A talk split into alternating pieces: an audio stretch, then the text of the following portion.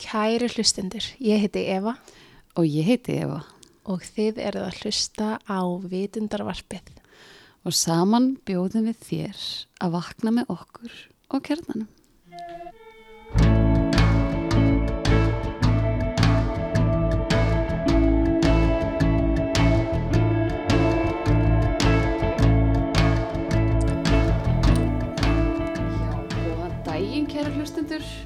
Við erum að ræða hérna introða þessu.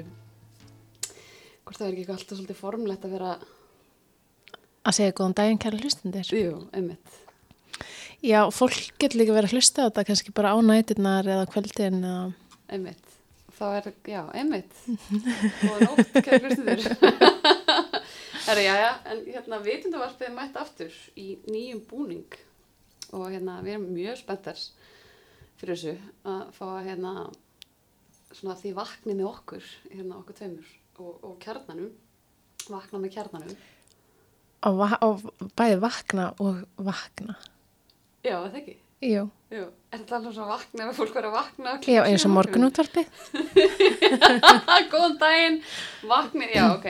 En hérna, já, við ætlum sérst að eftir sem áður er við undanvarpi koncept sem við erum að ræða um meðvindamál, Mm -hmm.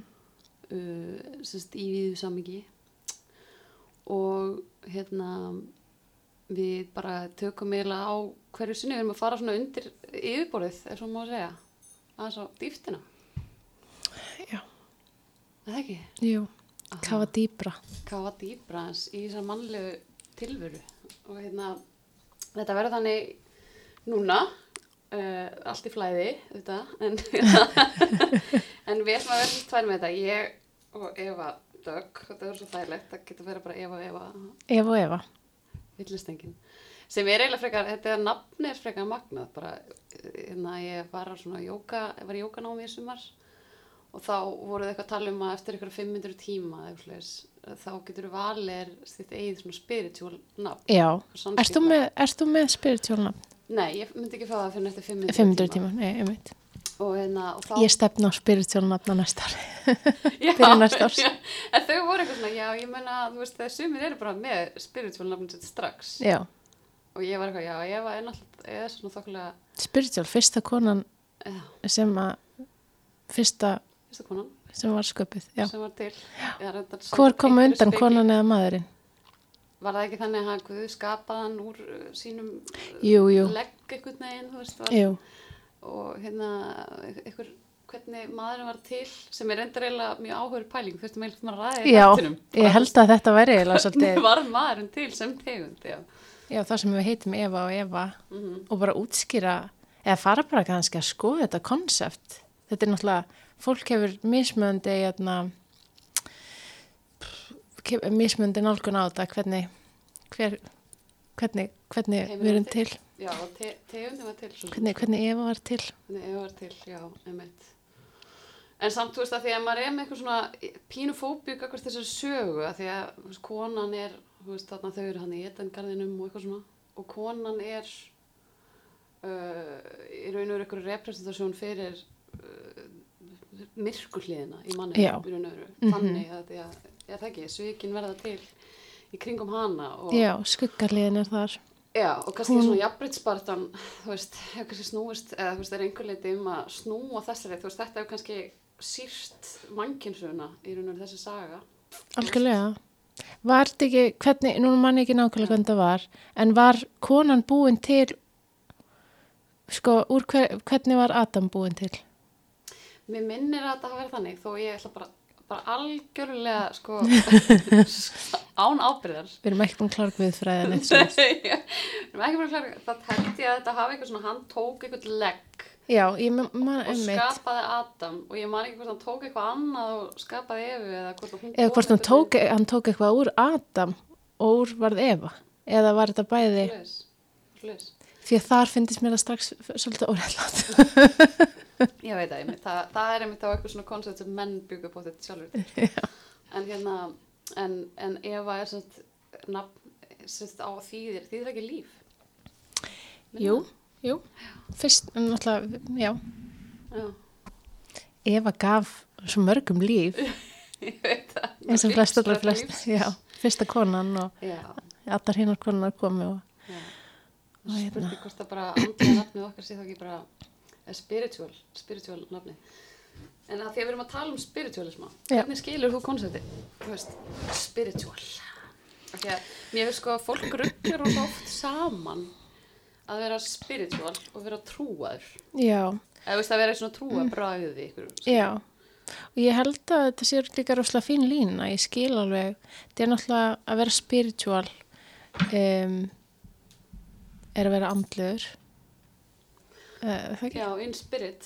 Já, já og ég sko eins og ég sé þetta fyrir mér Mhm. þá trú ég því að við séum öll andlegar verur Einmitt. á jörðinni að eiga mannlega reynslu Mhm.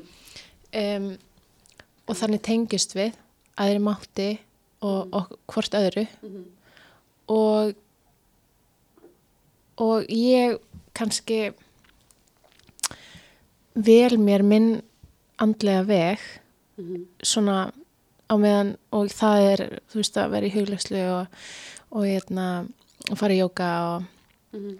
og tjanta og Mhm. kveikja á reykilsi Bera sig olíu og já, vakna klukkan fimm á mótnana vakna á fimm mótna og ósið svo blöðum tíma myndi ekki segja. já, á mínu mati. já en það eru sumir sem gera marga ósýðlega hluti kljóðan fimm á mótna Já, það er sko.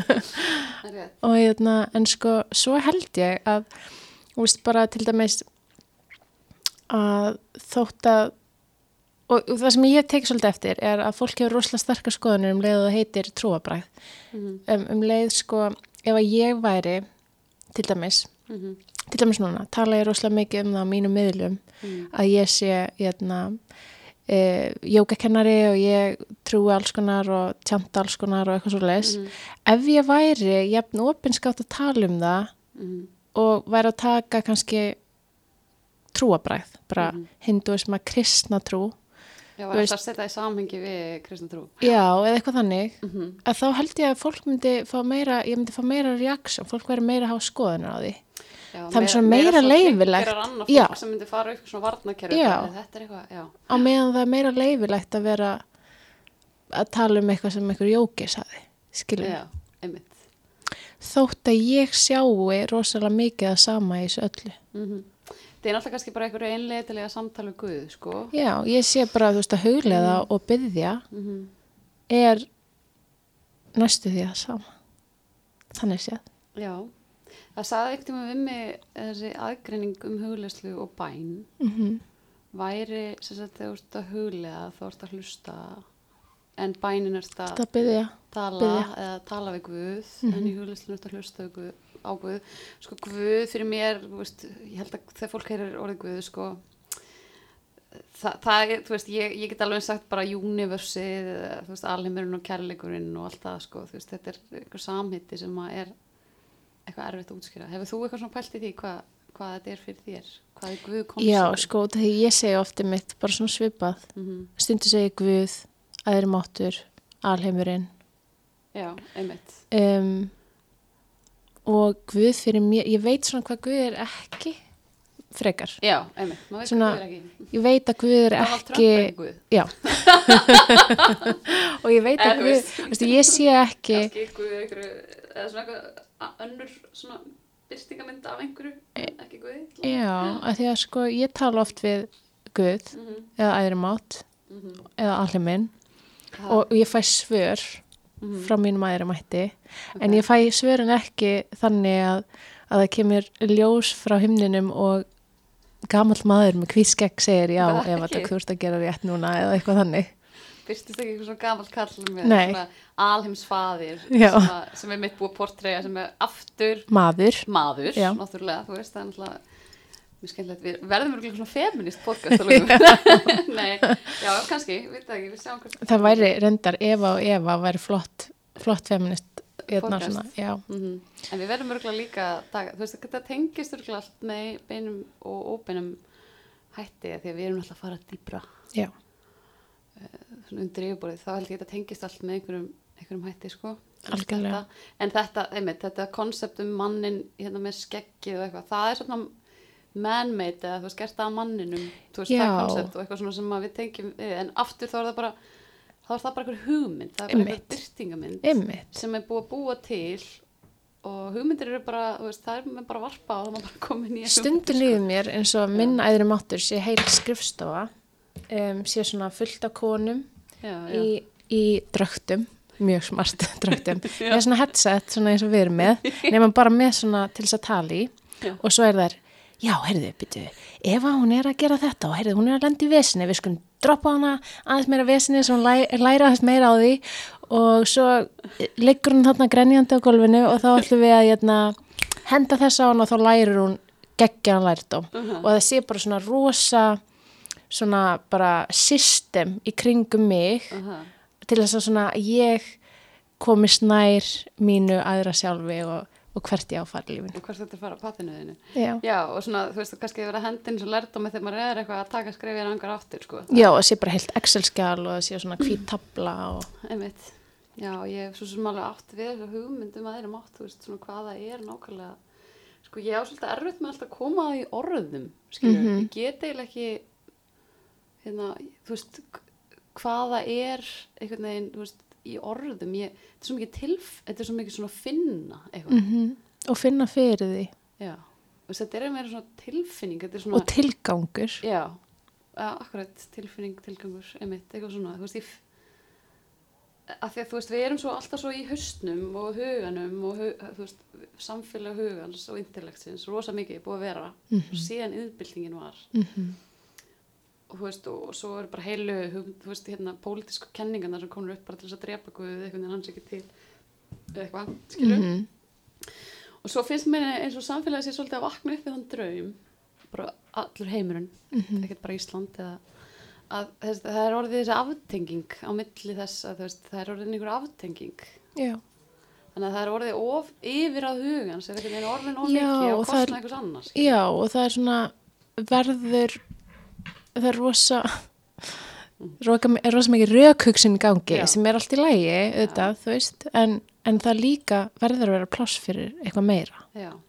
svolítið svona svo balans þú veist eins og jókan, þú veist, hún er vísind, jókað er vísindarlega uppbyggt en það er sko þetta intersection milli já, og eins og Deepak. Chopra hann já. talar um að ef þú getur vísindalega sannað eitthvað Mhm. að þá er það ekki heilagur sannleikur eða þá er það ekki eitthvað andleg reynsla, ef þú getur komið alltaf með vísindalega sannanir um, í vitundarvakningu þá er, er þetta ekki lengur Vísindavakning. já, Vá, það er svolítið sem er eitthvað pjú.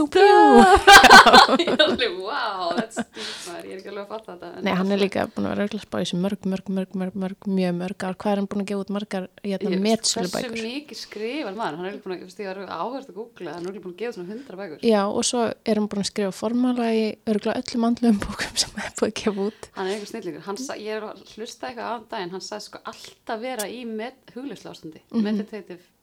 Þegar ég hlusti á þetta viðtal, það sem hann var að útskýra það sem ég var að reyna að útskýra núna, þá var hann örgulega hugleysla ástandi.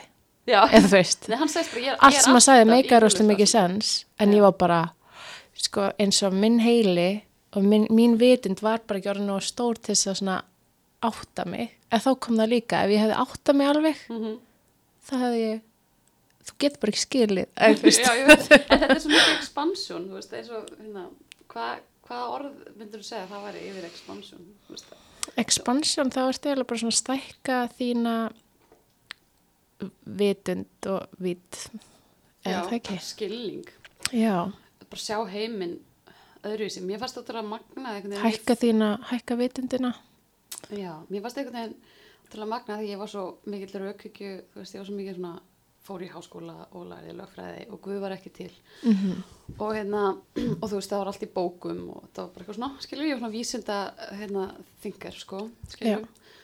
og svo fannst mér, þú veist kannski var ég bara eins og batn aftur eða eitthvað, ég veit ekki hvað gerðist en, en svo expand, expansion já, skildi hlutina bara allt öðru horfi sko þegar ég, þegar ég fór bara feta þessa andlu leið þá einhvern veginn sá ég að herði þessar hugmyndir.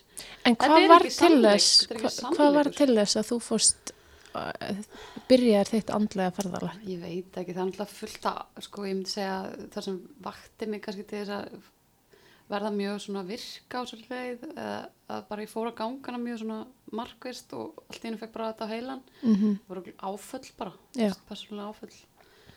Og svona bæði uh, kannski nokkur sambönd bara sem að Mhm. vöktu mig svona cumulativt eða svona samanlagt Já. yfir eitthvað tíma uh, og svo náttúrulega er alveg upp algrænsku heimili og, og Mhm. svona bara eitthvað þú veist skildi ekki alveg það er líka í mér eitthvað svona það er eitthvað í mér eitthvað svona þörf til þess að leita sannleikans já, það er eitthvað svona, ok, hérna, finna, sko, ekki endilega bara þess að einhver segir í einhver bók heldur að upplega það einn skinni eða einn vitund, mhm, fatta fattið sjálf, sko. já, bara svona forvitni líka. Já, Nei, já. svona sessend nýtt Já, fatta ég held að þetta sé rosalega mismund með fólk, þú veist, sumir eru alveg rosalega leitandi Mhm. alltaf Mhm, og aðrir eru bara rosalega sáttir Einmitt, og þurfa ekkert að vita, eða Nei. þannig séð. nei, nei. Er bara eitthvað, já, já, ég er bara eitthvað að gera þetta og það er bara eitthvað, það er ekki þessi þörf á einhverjum Já. svona, einhverjum svörum, sko. Emmitt. kannski er þeir bara komin ógst og við Já, ég svona get ekki að byrja. mig, Nei, já. ég veit ekki, eða þeir eru einhvern veginn langt á eftir, Já, Ég, ég get aldrei ákveðið mig heldur sko. hvað hvar eitthvað maður er á svona, þessu spektrumi og hvað, eru þeir búin að lifa svo mörg líf Já. og við erum bara í fyrsta skipti hér eða fyrst ég veit það ekki. já, ég held reyndar að ég sé hérna alveg, þetta sé ekki fyrst skipti sem ég kemur. Nei, ég er alveg búin að vera einn okkur sinnum, sko. já, ég er eiginlega svona fæ þá tilfinningunum mjög stert sko. ég, ég fekk að, ég fæði alltaf mjög tilfinningunum, var ekki búin að segja það ég horfa á svona episkar, svona krossferðamyndir, það svona menn eru á menn eru á hesti Já, með, þú veist, með já, sverð já, þá er ég alltaf já, ég, ég var að gera þetta ég fæ svona tengingu við það þú veist, ég tengi bara við það hvernig tilfinningin er sko. já, og þá er ég alltaf já, það er svona eftir lengur sem ég fór að trúa þetta og svona, þá er ég alveg vissu það að ég hafi, og fekk svo Mhm. staðfestingu á því að ég hafi verið í eitthvað svona dreipaka fólk einhvern mann, já, sem er ekkert eitthvað skemmtilegt en nei, nei. kannski er ég bara að gera það upp í þessum lífum með að vera að reyna eitthvað. Já, og líka bara það er, meira ljós. Já, gott að hafa svona warrior, Hvað stríðs, svo- stríðskonu. stríðskonu element í sér, sko. Ég er klálega með það, sko. Já, Þannig að, hérna, eða ég veit ekki, já, kannski, kannski er þetta bara eitthvað projection hjá manni, maður ma, ma, ma veit eiginlega ekki neitt, sko, fundamentally, nei, en, mað, en þetta er, nú er ég fann að elda miklu meira, sko, skinnin, eða hvað ég finn, mhm, sem að kannski einhver getur sagt, sko, að það væri intuition, já, insight, já, frekar en að vera allt og mikið eitthvað, hvað er í gangi í hausnum á mér, já. Og það líka snýst svo mikið, ég veit það, og það er líka svo gott þegar maður er með aðri mátt og trúir því að maður sé andleg vera, Mhm. að þá getur maður svo mikið treyst innsæðinu sínu miklu frekar út, þegar maður veit bara að maður fylgir innsæðinu sínu og, er að, og treystir því að, að þú færð það sem að þú átt að fá Mhm. og þú færð ekki það sem þú átt ekki að fá Mhm. og er bara í fullkomnu treysti, Mhm. það, þá líður mann upp svo miklu betur og um leið og ha- hausinn er fann að taka yfir, þá er maður ekki fullkomnu treysti. Mhm. af því að þá er maður að reyna að analýsera allt og reikna út og já, nei, þetta er ekki, þú veist, auðvitað á maður að nota heilan á sér en maður ásamt bara að treysta með líkamannu sínu. Mm. Einmitt.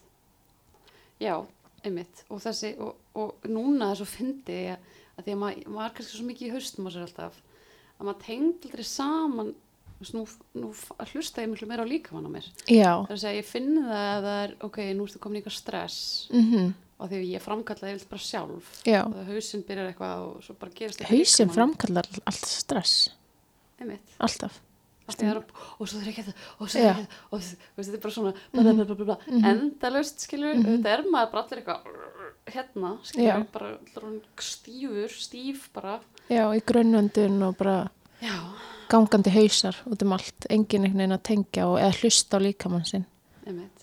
og fyrir mig er algjörlega, veist, tilfinningaði mín er rosa mikið í maganum og Mm kvíði er rosa mikið þar -hmm. mjöðumónum Já, skömmin. Herði, Skömmin, skömmin í mjöðumónum Já. segðu, segðu. Allir með stífa með mér hérna allir skamma sér svo mikið, er mikið. Allir skamma sín allir að ógeðslega leina mikið. öllu því að halda þetta svo, svo rosalega mikið sem þeir eru að leina. Já, veistu, ég held að þetta er líka bara svo Engin- fáar kynnslóður, hérna, þú veist, það er bara mjög uh, stutt síðan við komum bara úr moldarkofunum, skilur mm það er alveg stutt í skömmina það var alls konar skömm í gangi sem við þurfum að skammast okkar fyrir. Já, meina, sem að er bara mjög stutt síðan það bara er í genunum okkar skilur mm og líka bara ég held samt að við erum að því að, veist, þetta er náttúrulega síndamennsk alltaf í gangi, veist, að fólk er svo vant að vera að leika ykkur svona hlutverk, sko, eins og, veist, maður er alveg að leika einhver hlutverk, alveg, ég er bara allt í, veist, ég er þessu hlutverki núna, -hmm. En svo þegar maður kannski bara leðum að loka hurðin einhvers staðar, þú veist, þá er þessi rulla kannski ekki í gangi, fattur þá Já. er eitthvað að skamma sín fyrir eitthvað, Einmitt, en ég horfði nú bara á sjö Netflix þetta í gerð, sko, Þú veist, eða eitthvað, annað, eða, hérna, fólk er að skamma sér fyrir að hafa haldið framhjá eða, veist, Mhm. eða, hérna, skert eitthvað óviðandi og, og það heldur þessi svo rosalega mikið mála að lofta því, sko, Já, en það er nefnilega akkurat ekki, við, er erum eiginlega flest búin að gera flest þessu og allir er að gera það sama þar sem allir er að halda í og lindu fegurðin er svolítið að bara viðkenna maður sé ófullkomin Einmitt. ég elska hérna setninguna I'm perfectly imperfect Já. ég elska mig algjörlega þannig veist, er, það er ekkert sem ég þarf að bæta Mhm. það er kannski alltaf að reyna að bæta eitthvað en veist, ég er alveg fullkomin í ófullkomleikanum mínum Já, akkurat núna Já, akkurat núna. Og þú veist, og það er líka að lofta hlutunum og segja satt og vera að mæta bara. Það er Mhm. svo mikið frelsi. Það er bara svo takir að þér einhvern svona, þú ert búin að bera einhvern bakpoka og það er bara svona eitthvað, að ég ætla bara, að, bara, að, Þetta er svona eins og þegar maður tekur tegin á hárinu, fer úr brjóstarhaldaranum, eitthvað þannig. já, Já. bara eitthvað svona, að, bara, það er ekki að bera, burðast með draslina. Já. Úr. Einmitt. Það er svolítið, Og gefast bara upp fyrir því. Það er líka bara, fólk er, fólk er svo fallegt að það gefst upp fyrir sjálfum sér. já, já, heldur en að vera þessum, þegar maður er í þessum, ég finn núna alltaf, ef ég er í einhvern remping, þú veist svona, Mm finn þetta svo mikið líka Já, bara þessi líkams, verður líka þegar þú ert meira að vinna. varnakerfi eða eitthvað, þá er ég alltaf farin að spyrja hvað er núna eitthvað staðar eða eitthvað, hvað er það núna sem ég er eitthvað að halda inni hérna, þú veist, hvað er það sem ég er ekki að Og það er líka svo gott þegar maður er í jóka og líka bara í ykkur hreyfingu og maður er bara með starkar líkams meðvitund, mm þá finnur maður allt svona -hmm. löngu á undan þeim sem eru kannski ekki með mikla líkamsmeðvitund. Þess vegna er líkamsmeðvitund svo ótrúlega mikilvæg. Þú veist, maður finnur bara, já, núna er ég í grunnöndun, núna er ég að gera þetta, maður getur stoppað sér af, miklu því að Mhm. Þú veist, eins og fólk er bara að átta sér meira og meira á að við, þú veist, það er ekki hægt að, að skilja þetta að, það er ekki bara svona heili um, kroppur, æ, skiljur þetta er Mhm. allt bara tenging, þetta er allt, tengist allt. Einmitt. Þú menar líka minn og Já. hugurinn og já, sálinn og sálin. Sálinn, sálinn ég var einmitt að lesa hana Harari, veist hvað það er? Hana, hana sem skrifaði hana, Dius, Homo Dius og Sapiens bækunar þær já, allar, hérna, og hann er eitthvað með sko þá kenningar sálinn sé ekki til sko. hæ? já ég var alveg, what, alveg, ég er ekki, er ekki komið að þetta Nei, hann er með eitthvað, þú veist, en hann, hann samþekkir samt einhvers konar vitund en hann samþekkir ekki sálina þetta er eitthvað svolítið skrítin kenning en er. hvernig, hvað hvernig hann þá hvað er, hvað er, hvað er við það með sem er ekki sálin? Við þurfum eiginlega, hann vildi alltaf meira að þetta sé bara einhvað heila þú veist þau sem bara útvikka eitthvað heila starfsemi mér já. þetta sé svoleið sko þegar við séum að fara í, eða það er svolítið merkild með hann, að hann er svona huglistöggur bara á öðru leveli. Vegna er hann svo mikil þingar náttúrulega, Já, sér þetta hann er búin að fara, þú veist, thinking beyond bara komin dýbra já, af því hann, erum, þú veist, þetta er alltaf að fara dýbra þú svörin er alltaf þar, alltaf inn á við mhm, ekki út á við. Nei, og hérna og hann er svona við passana huglistökur og huglega er ekki tvo tíma á dag sko, vá, þú veist, svo erum við eitthvað bara, já ég er að ná mínum hérna 20 myndum hérna, Já, ég er sko nýbúna eða í sömur þá ákvað ég að fara að hérna, taka fulla ábyrð á minni huglæslu mm og setja og líka taka fulla ábyrð sem jógakennari og huglæslukennari að setja ábyrð á annað fólk að huglega æskilur já, og þegar ég hef alltaf í gegnum mína um, þegar ég verið að kenna Mhm. þá er ég alltaf að hvetja fólk til þess að bara huglega eitthvað veist. Mhm. um, og ég hef bara verið rosalega mikið þar bara, já, gott ég er bara, ef þú nærða huglega tvær myndir inn á klóstið þá ertu bara að sigra og það er allt bara eitthvað betur en ekkert og svona. Mhm. nema svo tók ég svona ákveðin í sumar nú ætlum ég bara hörð og segja bara nei þetta er bara eitthvað sem þú þarft að taka ábyrð á. Mhm. og þú þarft bara að mæta og þú þarft bara að huglega í hálftíma á dag. Og það er bara, já, þú þarft bara að mæta sjálfrið þér Mhm. og huglega í hálftíma á dag og gera það fyrir þig og bera ábyrð á því Mhm. í staðan fyrir að vera eitthvað svona, að já, ég gera bara að bara, já, að bara þetta commitment, Mhm. það er sko alveg jafn mikið um, jafn mikið sannleikur og jafn mikið eða jafn mikilvægt Mhm. eins og bara aðhuglega Já, ég, ég, algjörlega sammálaður, þetta er þessi skuldbinding við Já, að þú er bara búin að skuldbinda Já. og lof, gefa sjálfa þér lofvorð Mhm. sem þú stendur við Mhm, og það er líka bara án og þetta með að vakna kljóðan 5 mhm. að, að, að það er allir já, býtu, ertu bara að gera þetta fyrir hvað, huglega ertu bara að gera þetta til þess að huglega og maður er eitthvað svona, nei, ég er bara að gera þetta fyrir sjálfa mig.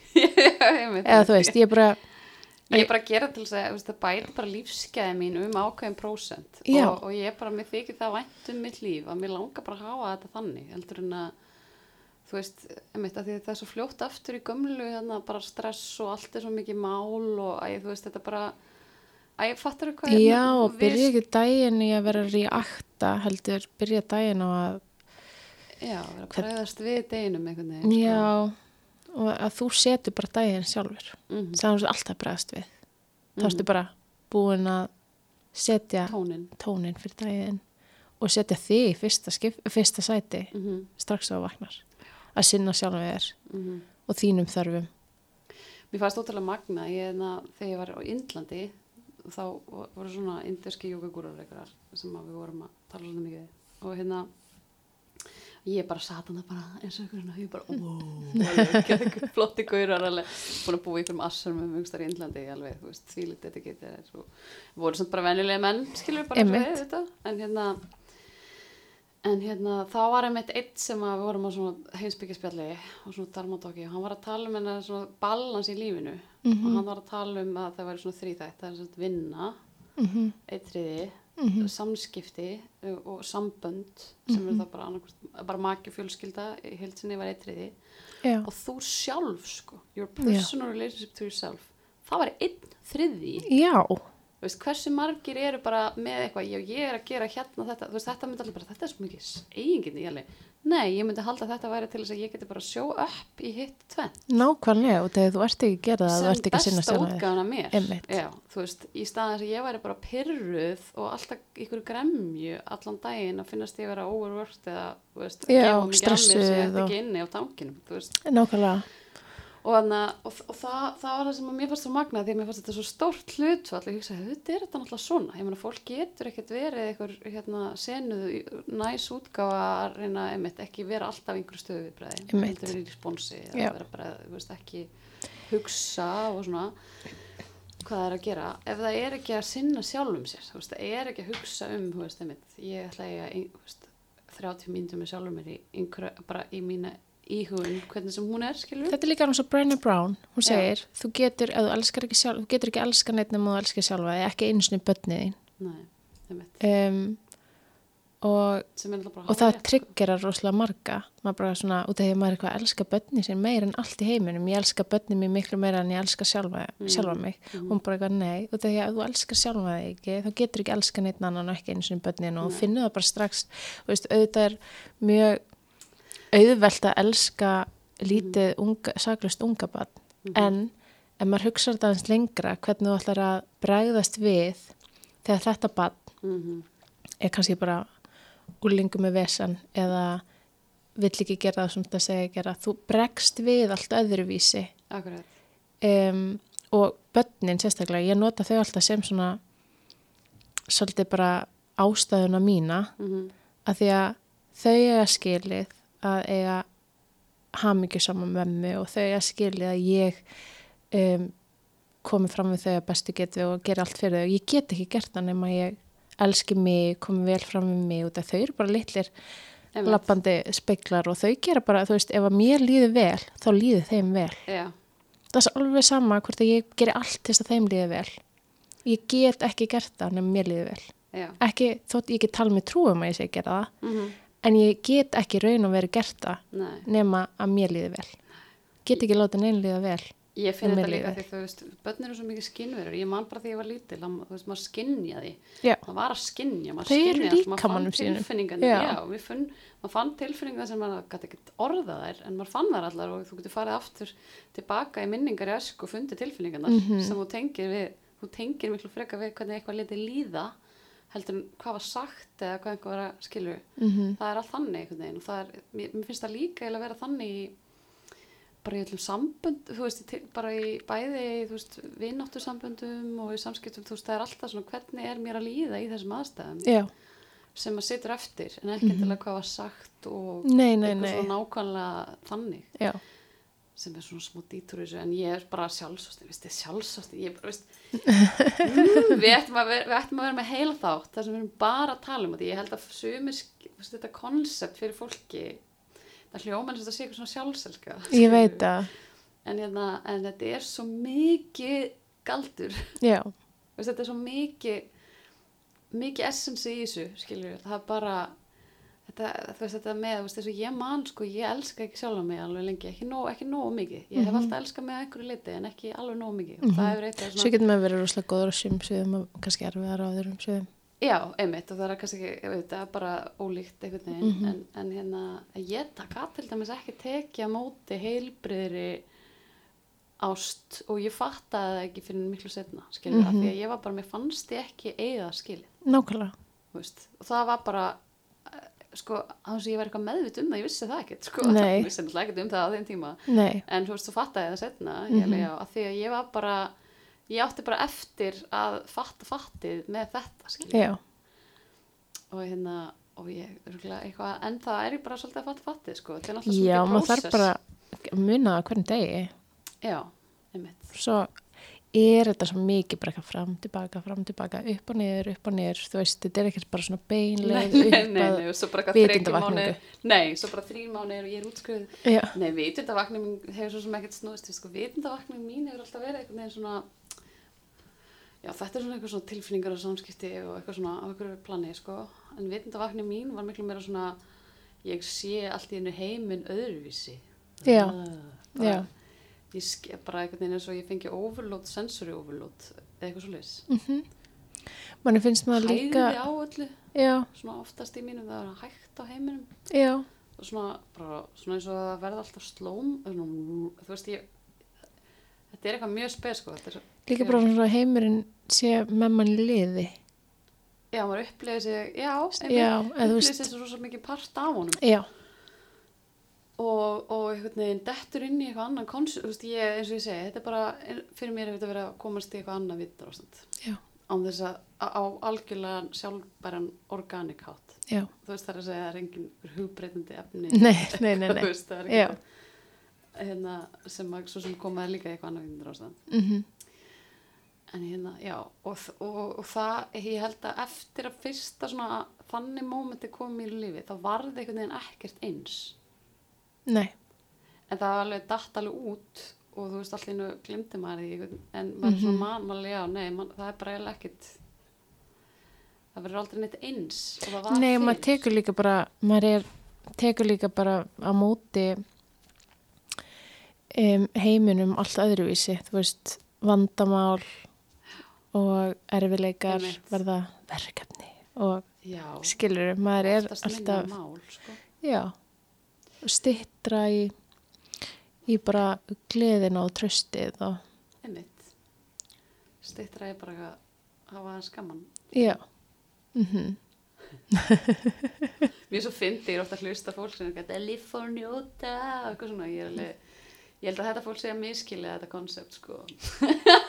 Já, skilur hvað á við, það snúist eitthvað um að fara á djammið og það sé dæmið, við fyrir að djammið, lifa og njóta, eitthvað svona þú veist, þetta er ekki, nei, nei, nei þú veist, bökkum aðeins, þú veist, þetta er ekki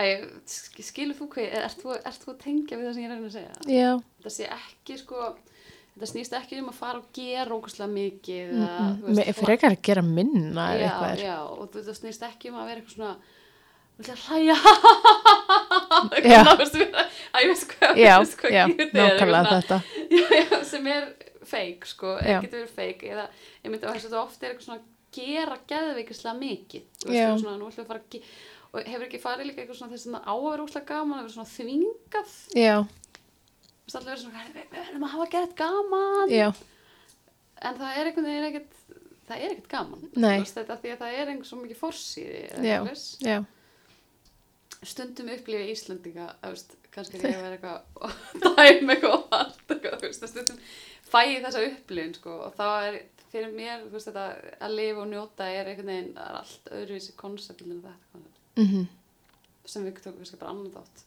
sem heitir lifa og njóta já. Hvað erum við komið margar hugmyndir núna? Sjálfsást, líf og njóta, um. Guð, eða byrjun, Mhm. byrjun lífsins. Já. en erum við ekki fara að fá fyrsta viðmælendan okkar í þetta season Jú, þetta season já, við erum alltaf líka búin að við ætlum alltaf að tala um fíkninnar og já, við munum fara vitt og breytt. við vinnum rítið breytt veganisma, umhverfismál Umhverfsmál og vekanismi. stjórnmál húmor, kannski eitthvað svona alls Já. Um, og svo bara ef að fólk er með eitthvað brjálaslega hugmyndir eitthvað góðu konsepti það var hægt að senda skilabóð það þetta. er skilum við þáttin eða samband við okkur og, og hérna, eða vilja bara mjög mikið tala um ykkur ákveðum mál sko. langar að tala við ykkur aktivista ykkur mjög góð aktivista. Já, og svo tölum við ykkur um feminisma já, klálega. hérna áðan. en við ætlum Hérna, að fá við ætlum að fá góðan viðmælanda. Ég er rosa spennt að heyra í svo sem er að koma til okkar. Ég er alveg rosa spennt fyrir þessari nýju plötu, þú veist, ég er eitthvað að elska þetta sem er í gangi þú veist, þessi opnun listamönnum þeir eru eitthvað að fara að setja sko líf sitt inn í plötuna sínar já, Lára Já. Jónas bara, vei, bara Vei. velkomin. velkomin Herra, við heyrum í þetta smá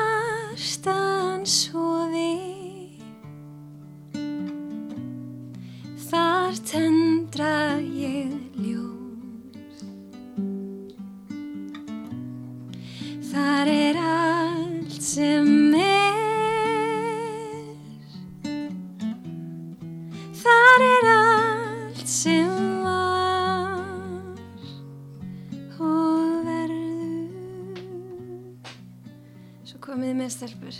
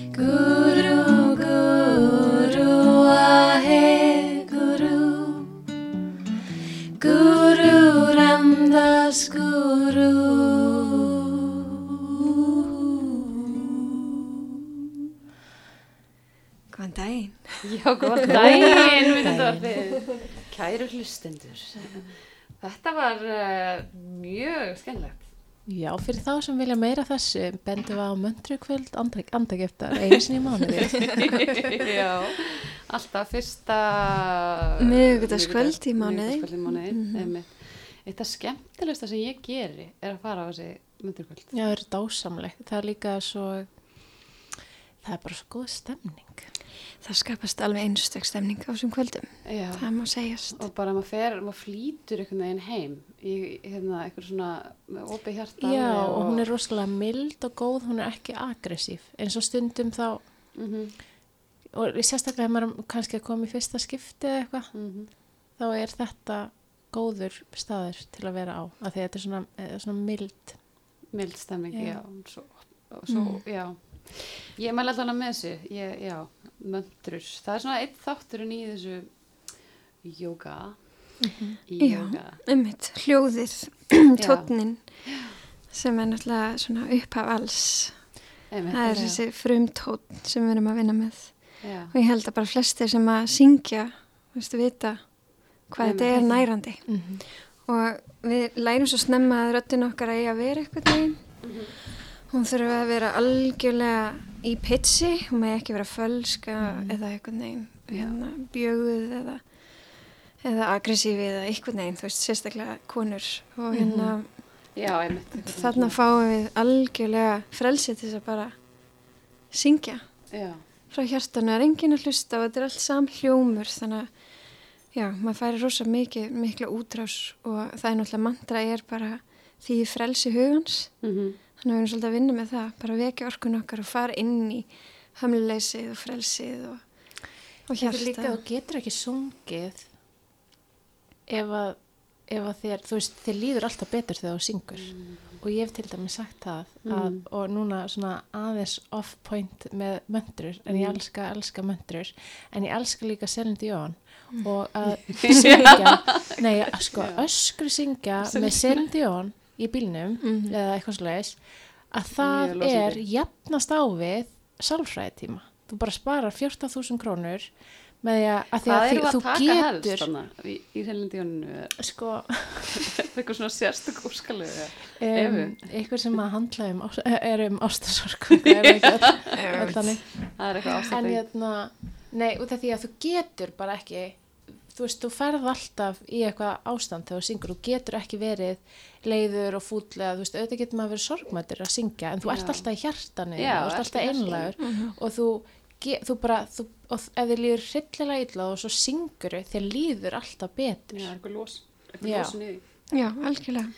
Og það getur verið svo rosalega erfitt fyrir marga að, að því við erum að tala um an- andlega næringu, það getur verið svo ótrúlega erfitt fyrir marga að bara mæta í hugleyslega, bara setjast niður einhvern veginn, hvað á ég að byrja, hvað á ég að gera, þú veist, bara sita og vera með sjálfum sér. Mhm. og ég held að það mantra sé ótrúlega frábær leið inn í þessa hugleyslega næringu af því að þú ert bara með uppskrift, þetta er svo, Mhm. þú veist, þú bara syngu með og þú þarft ekki að hugsa um öndun eða Já, eða einhvern veginn dvelja með þér. Sérstaklega ert búin að lenda í ykkur áfalli held ég að þessi frábær leið að hérna að byrja. að Byrja. vinna sig út úr því að því að þú veist, þú ert bara með möndurinn, þú ert inn í henni og þar er hugleislan Einmitt. og þá færðu líka eitthvað verkefni, eitthvað sem er aðeins meira heldur en bara setjast. Já, Já, mjög stóftæðilegt, sko. Vera bara einmitt eins og, eins og í kundalíníinu sem að þú ert kundalíni jókakennari. Lára Rúnas, já, við kannski kynna það eitthvað til leiks, eða það er kannski bara self-fully hérna. Lára Rúnas er komin til okkar sem að er ekki bara eh, eigandi handagiftar sem er með möndurgöldin, heldur líka tónlistakona og eh, kundalíni jókakennari eins og Eva. mm Ég er ekki, ég er kundalíni yðgandi, Já, bráðum já, kennari. já, já, já, þú En ert- ég já, þú bara, ert ég kenni bara, hérna, ég kenni vinyasa. Ég finn þessu á það. En elska kundalíni og hvenar, hvenar hérna, fórst þú í kundalíni jógakennanámið og hvert? um, Ég var hérna í uh, jókaseturinu í Skipolti sí, hérna hjá henni auði. Og ég held ég að klárað 2013 en var búin að yfka þetta alveg síðan 2005 þetta var bara Já. fyrsta jókategundin sem ég byrjaði að stunda. Já, og ég bara fann mig strax í henni því að hún er mjög fjölbreytt og skemmtileg. Og hún kemur alltaf óvart. Það er það sem að hérna, henda mjög mjög vel. Það er aldrei, þú ert aldrei að gera nákvæmlega sama.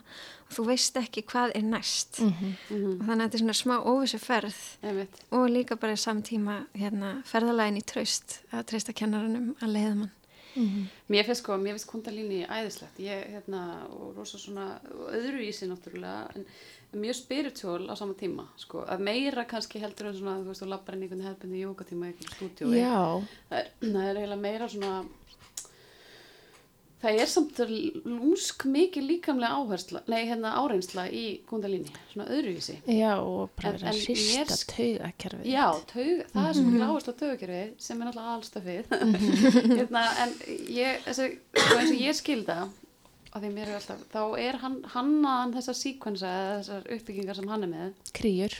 kríunar mm til þess að sko auðvild okkur að uh, komast í uh, leysa kundalíni orkun okkar úr læðingi, svo að segja. Hva, og hvað þýð það? Og okkur eru að því? Þú veist, getur þú sagt með það eða, þið? Mm, Já, það er náttúrulega bara svo mikið svona staðnæri orku sem situr föst og er náttúrulega að tala um þess að orku stöðva líkamann. Svo við erum Mhm. svolítið mikið að vinna bara með að losa, þú veist, vinna frá rót og allavega upp í hverfil bara í gegnum líkamann og finna hvar meinun okkar liggja. Og það er náttúrulega að tala um að við eigum til að stöffa tilfinningarnar okkar og áföllin okkar niður og það situr oft bara fast. Og þegar við hefum upplegað mikið áfall þá erum við óörug og fyrsta orkustöðin er náttúrulega bara að skapa öryggi og vernd og við finnum að við erum örug þannig að þú veist við erum svolítið að vinna bara alltaf bottom up svolítið þú veist að vekja upp Rótina. rótina og Rótin. þaðan vinna alla leiðina upp og ég meina um, Jóki Batsjan er frábær og, og hann líka útskýrir rosalega vel af hverju við erum að öllu Já. Þú veist, þú getur bara að finna af hverju erum við að syngja þetta svona af hverju erum við að gera þessa æfingu svona af hverju gerum við næst þessa æfingu eftir henni þú veist, þannig að það er líka bara að þú hefur alltaf mjög svona stert sterkan leiðavísi Mm. inn í, þú veist, af hverju við erum að gera hlutina og ég held, einmitt, Já, mjög vísindalegt jóka. já, Já. mjög vísindalegt og það er hægt að lesa endalust Mhm. þú veist, þú getur held ég aldrei útskrifast sem kundalíni Nei. kennari af því að hérna, þó maður fá eitthvað svona vottorð eða eitthvað svona vottun Mm. að þetta er bara endalaus viska og Mér stæði þetta magna, ég var hér eitthvað menn í tíma og það var eitthvað, ég, nú erum við að reynsa nýrnahettunar. Já. já. já, það er alveg til eitthvað, það var eitthvað kríja, basically til þess að, hvernig er hægt að tengja það saman? Ég kaupið hann alltaf bara, ég, já, ok, ég fann reyndar alveg svolítið fyrir því, mm -hmm. magna, en, en hans, þess að ég heyrði söguna þannig, og þeir leiðir þetta mér bara það rátt, að hann hefði svo komið til vestranheimsins, til bandaríkina, að því að og kundalíni jóka hefði eiginlega verið svolítið loka fyrir eitthvað svona royal eh, hérna svona arm eða indveri eða það hefði bara verið fyrir fína fólkið basically því það er svona skjótvirkari leiðin að þetta jóka skiptist í svo marga skóla en minn er það ekki rétt hjá mér að, að hann hefði einhvern veginn sko ákveði að fara með það til vestrana heimsins eða opna á það jafnvel. jú, ég heyrði allan að sunna þannig líka ég heldur en að það hafi verið frá Pakist, Palest, Pakistan Nei. Pakistan? Er það? Nei, byrju, Ég, nú nú Ah, veit ok. ég ekki. Ég, held að hann væri frá Indlandi. Einla, já, ok ég, það, það skipti kannski ekki allir þetta En jú, þetta var svona fyrir útvöld og hann var svolítið fættur inn í þetta royalty, fekk það í arf uh, og hérna, og hann fær bara vitrun sagt, um að hann eigi að koma með til vestri, að vestri þarf á þess að halda. Eða eiginlega þvert á það vilja hans, þú veist, að því honum fannst einmitt að fara í vestri eða ekki alveg það sem hann vildi gera. Fannst bara físilegast að vera bara þannig í sínu umhverfi og yðka áfram sjálfur. Mhm. en hann ákveður að gera það og fyrst og, og hérna þessi vitrum var sem sagt að hjálpa konum valdefla konur í Það er nefnilega það sem er svo geggjað við Jóki Bajan Já, einmitt. að hann er uh, nútíma maður, þú veist, hann talar svo mikið um The Aquarian Age Mhm. sem er svona bara þessi ný, þetta nýja tím, tímabil sem er að byrja núna Mhm. þú veist, að, að konur að fara að stíga í sinn kraft og svona og hann talar einmitt mikið um þetta og það er svo, hann er svona, hann er feministi Já, en Já. Aquarian Age, Já. af því að við erum að fara úr hérna Age of hvað er þetta? eh, ekki Aquarian það? við, við erum að fara út svo samkvæmt þessu fræðum það erum við að fara úr ykkur öll yfir í Já, og ég, ma- ég er að reyna að muna hvað það er sko. já, ég er að reyna að minna Já, þetta, þetta þetta, er- stóðlegur mér, það kemur. Það er einmitt rosa mikið og, og ég menna, þú veist, við sjáum það náttúrulega bara það er, konur er að stíðin í styrki sinn, það er Mhm. obvious, það er náttúrulega búið að vera gangi, það er náttúrulega marga konur búin að fara undan, Mhm. þú veist, það er búin að vera í skurðinum, skilur upp bara að taka á sig alls konar líka, Já, ekkert auðvöld, ekkert auðvöld hlutskipt að vera þarna, sko. nei En þetta er að gerast og mér finnst En þetta einhvern samt búin að vera að gera þetta allt saman, þú veist, lofslagsmálin, umhverfismálin og, og einhvern veginn að konan er að koma svona sterk upp, þú veist, hún er að fara að vera, þú veist, hún er að fara að leysa þetta, sko.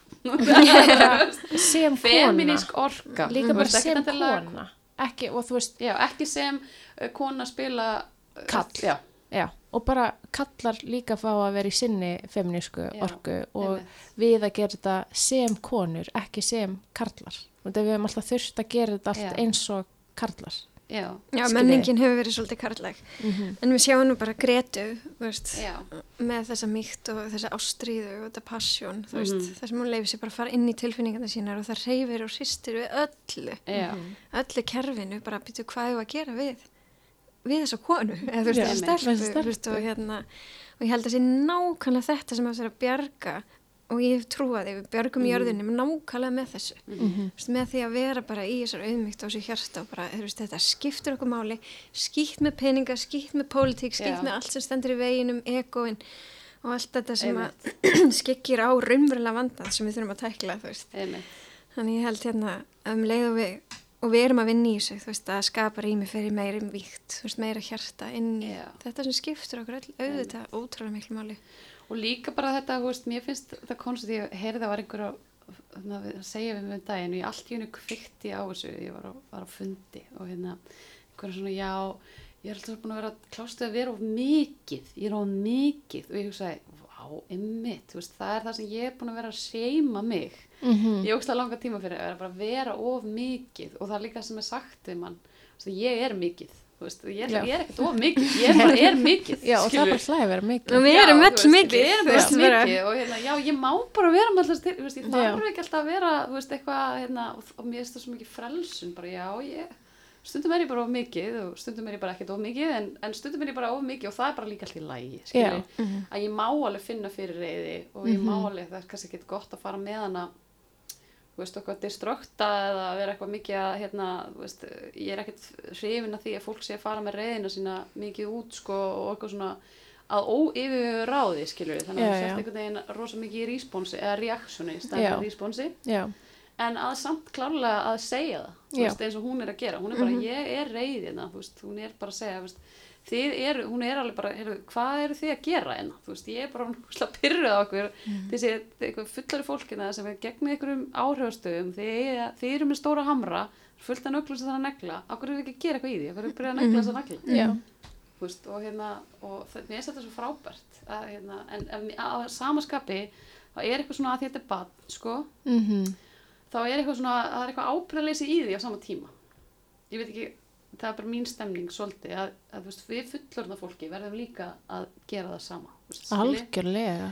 Að því að meðan að hún er að, þú veist, mér finnst svona eins og ráða með sig svona, sjá þetta, já, já, hún er frábær og Mhm. flott hjá henni, en svona, skilju, en ég held að það sé samt, það sé eitthvað hún, já, ég held að sé, hún sé að vekja marga Já. til lífsinn, sko Já, ég held það og okkur sem að, þú veist, er umhugað um þessi mál. Mhm, allan að kveikir hún mikla voni í brjóstinu á mér, veist, ég er bara ég er bara til í að fylginni hvert sem er, sko. Já, muni ekki í sögunni líka með hana, kei, hérna keisarinn, barni, litla barni vel, hann er ekki í nefnum fötum, sko. já, minnum við einmitt. svolítið á það, skilur við. Það þarf kannski bara eitthvað svona katalist til að koma inn og segja bara það er Hann er allsber. hann er alls, skilur, hann er ekki í nefnum fötum, bara já, ok, þessi græðki, hún er bara ekki í gangi, það gengur bara ekki lengur, Mm punktur, skilur. Akkurat. En herðu, já, einmitt, þetta, En þú ert Lára og þú ert kundalín í jöfnvíkjana. En þú ert alltaf líka tónlistamæður og rótin, að því vorum að tóna rótstöðuna það, Já, Já. ymmit. Þá varst þú að gefa plötu, ég bara, hvernig hefur þú tíma fyrir allt þetta, það er svona fyrst spurning. Um, gerist allir flæðinu bara. já, þetta er bara búið að vera langt prósi sem að hérna, dreifist yfir lengri tíma og þetta er í fyrsta sinn sem ég er að gefa út plötu með enga pressu á neitt, ekki á sjálfa mig, ekki á tónlistina, ekki á umhverfið. Mm. Þannig að hún, þú veist, það tók alveg þrjú ár sem er búið að dreifast svona e, í törnum sem sagt tökum upp og svo pásu við og svo kláru við og við hérna, við kláruðum semst að vinna þessa plötu fyrir akkurat ári síðan og þá ætlaði ég að gefa hann út 2018. En ég fann að ég var ekki hjarthengt inn í það. Veist, ég var ekki með rætuna mínar í lægi, þú veist, ég var bara óörug og ég hef verið lengi verið óörug inn í þessum bransa því að hann, hann byggir á samkeppni og samanburði mörguleiti. Þannig að ég hef ekki fundið sjálfa mig inn í ringiðju tónlistar yðnaðarins. nei, Þannig ég fann ég var of, hérna, já, ó, óhjartingt eða svona mm. inn í þennan bransa til þess að takast á við hann fyrir árið síðan. Já, og svo var ég auðvitað að stopna andagift og vinni því þannig að það átti svolítið hugminn allan en ég fann það núna, ég var bara ótrúlega tilbúin í þetta Já. og mér fannst mjög mikilvægt að platin heiti Rótin Mhm. Mér fannst það pínu, óþjált og skrítið fyrst bara Rótin svona Rótin. En bara rosa mikilvægt og hún á semst sama ammælistag og ég þannig að mér fannst svona fæðing okkar samtvinnast. Mhm. og hún er svona mikið uppgjör fyrir mér svona, og sama tíma og það er upphaf. Að því ég hef svo lengi verið í þessum bransa sem eitthvað svona leikpeð þau veitir, þú veist, bara vera þóknast gera það sem er til, ætlast til að mér. Já, og ég fekk bara, þú veist, að ég byrja mjög ung í tónlistarbransanum og gáði mm plötu þegar ég var rétt tvítug. Og ég fekk svolítið þau skilabóðu strax upp að við bara segja alltaf já. Þú veist, þetta er allt tækifæri, bara segja já. Já, já, já, já, já, bara og, öllu, já. bara við öllu.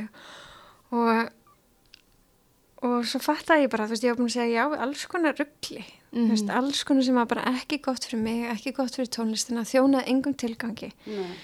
Þannig að þú veist, núna var bara mjög markvis ákverðin að ég er ekki að gera neitt nema fyrir rótina, fyrir Já. það sem þjónar tónlistinni, það sem þjónar þessar hlið af mér Mhm. og ekki stanna, þú veist, að því að mér langar það ekki og þetta er svo einfalt. Veist, og líka þegar maður lærir að þú veist, þú getur líka tekið tíma að svara Já.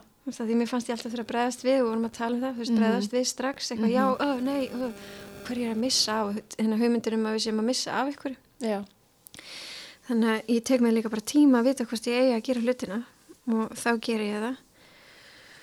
Og já, rótin sem sagt er svolítið líka að fara aftur í rótina þannig að þetta er svona einfalt þó að sé alveg útsett þá er þetta samt svona ég að spila á gítarinn og lögin fá að halda sér einhvern veginn alveg frá því hvernig þau fættust Já.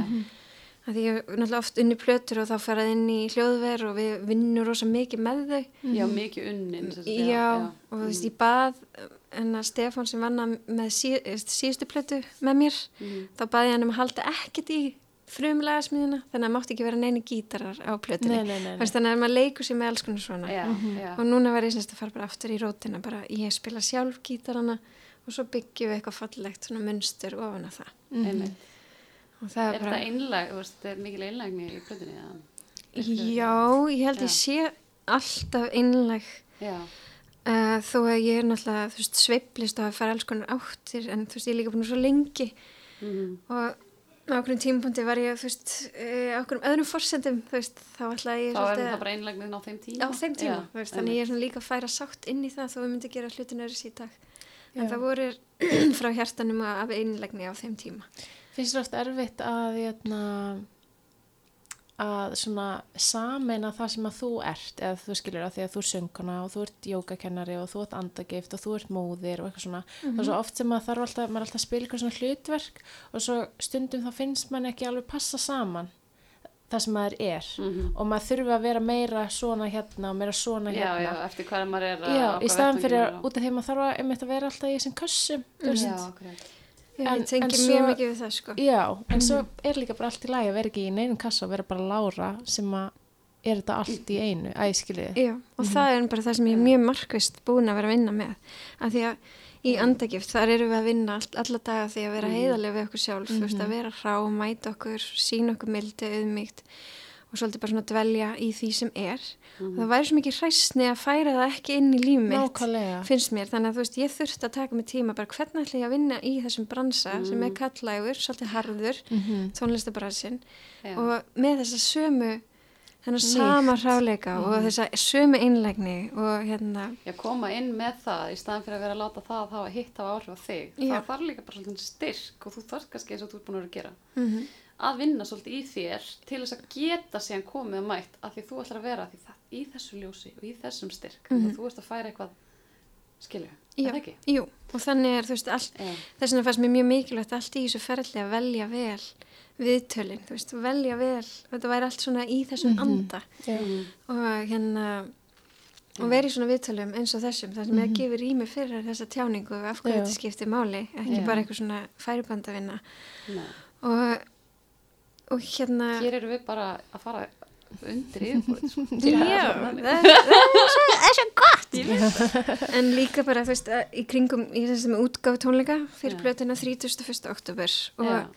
þar er ég líka að færa andagift inn í stað sem að, þú veist, er bæjabögi og hafnafyrir sem hefur verið mikið jammi gegn tíðan og svona, Já, en þú veist, að færa andagiftina þar inn mjög Aha. markvist, Mhm. þú veist, það sem er hvernig þá, þú veist.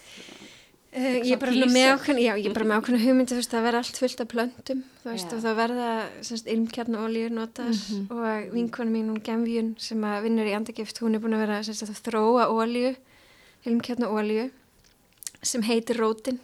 Já. Já, og er hérna dásamleg, hún var semst að leiða mér að Það hefa af henni, já, ég veit, þín.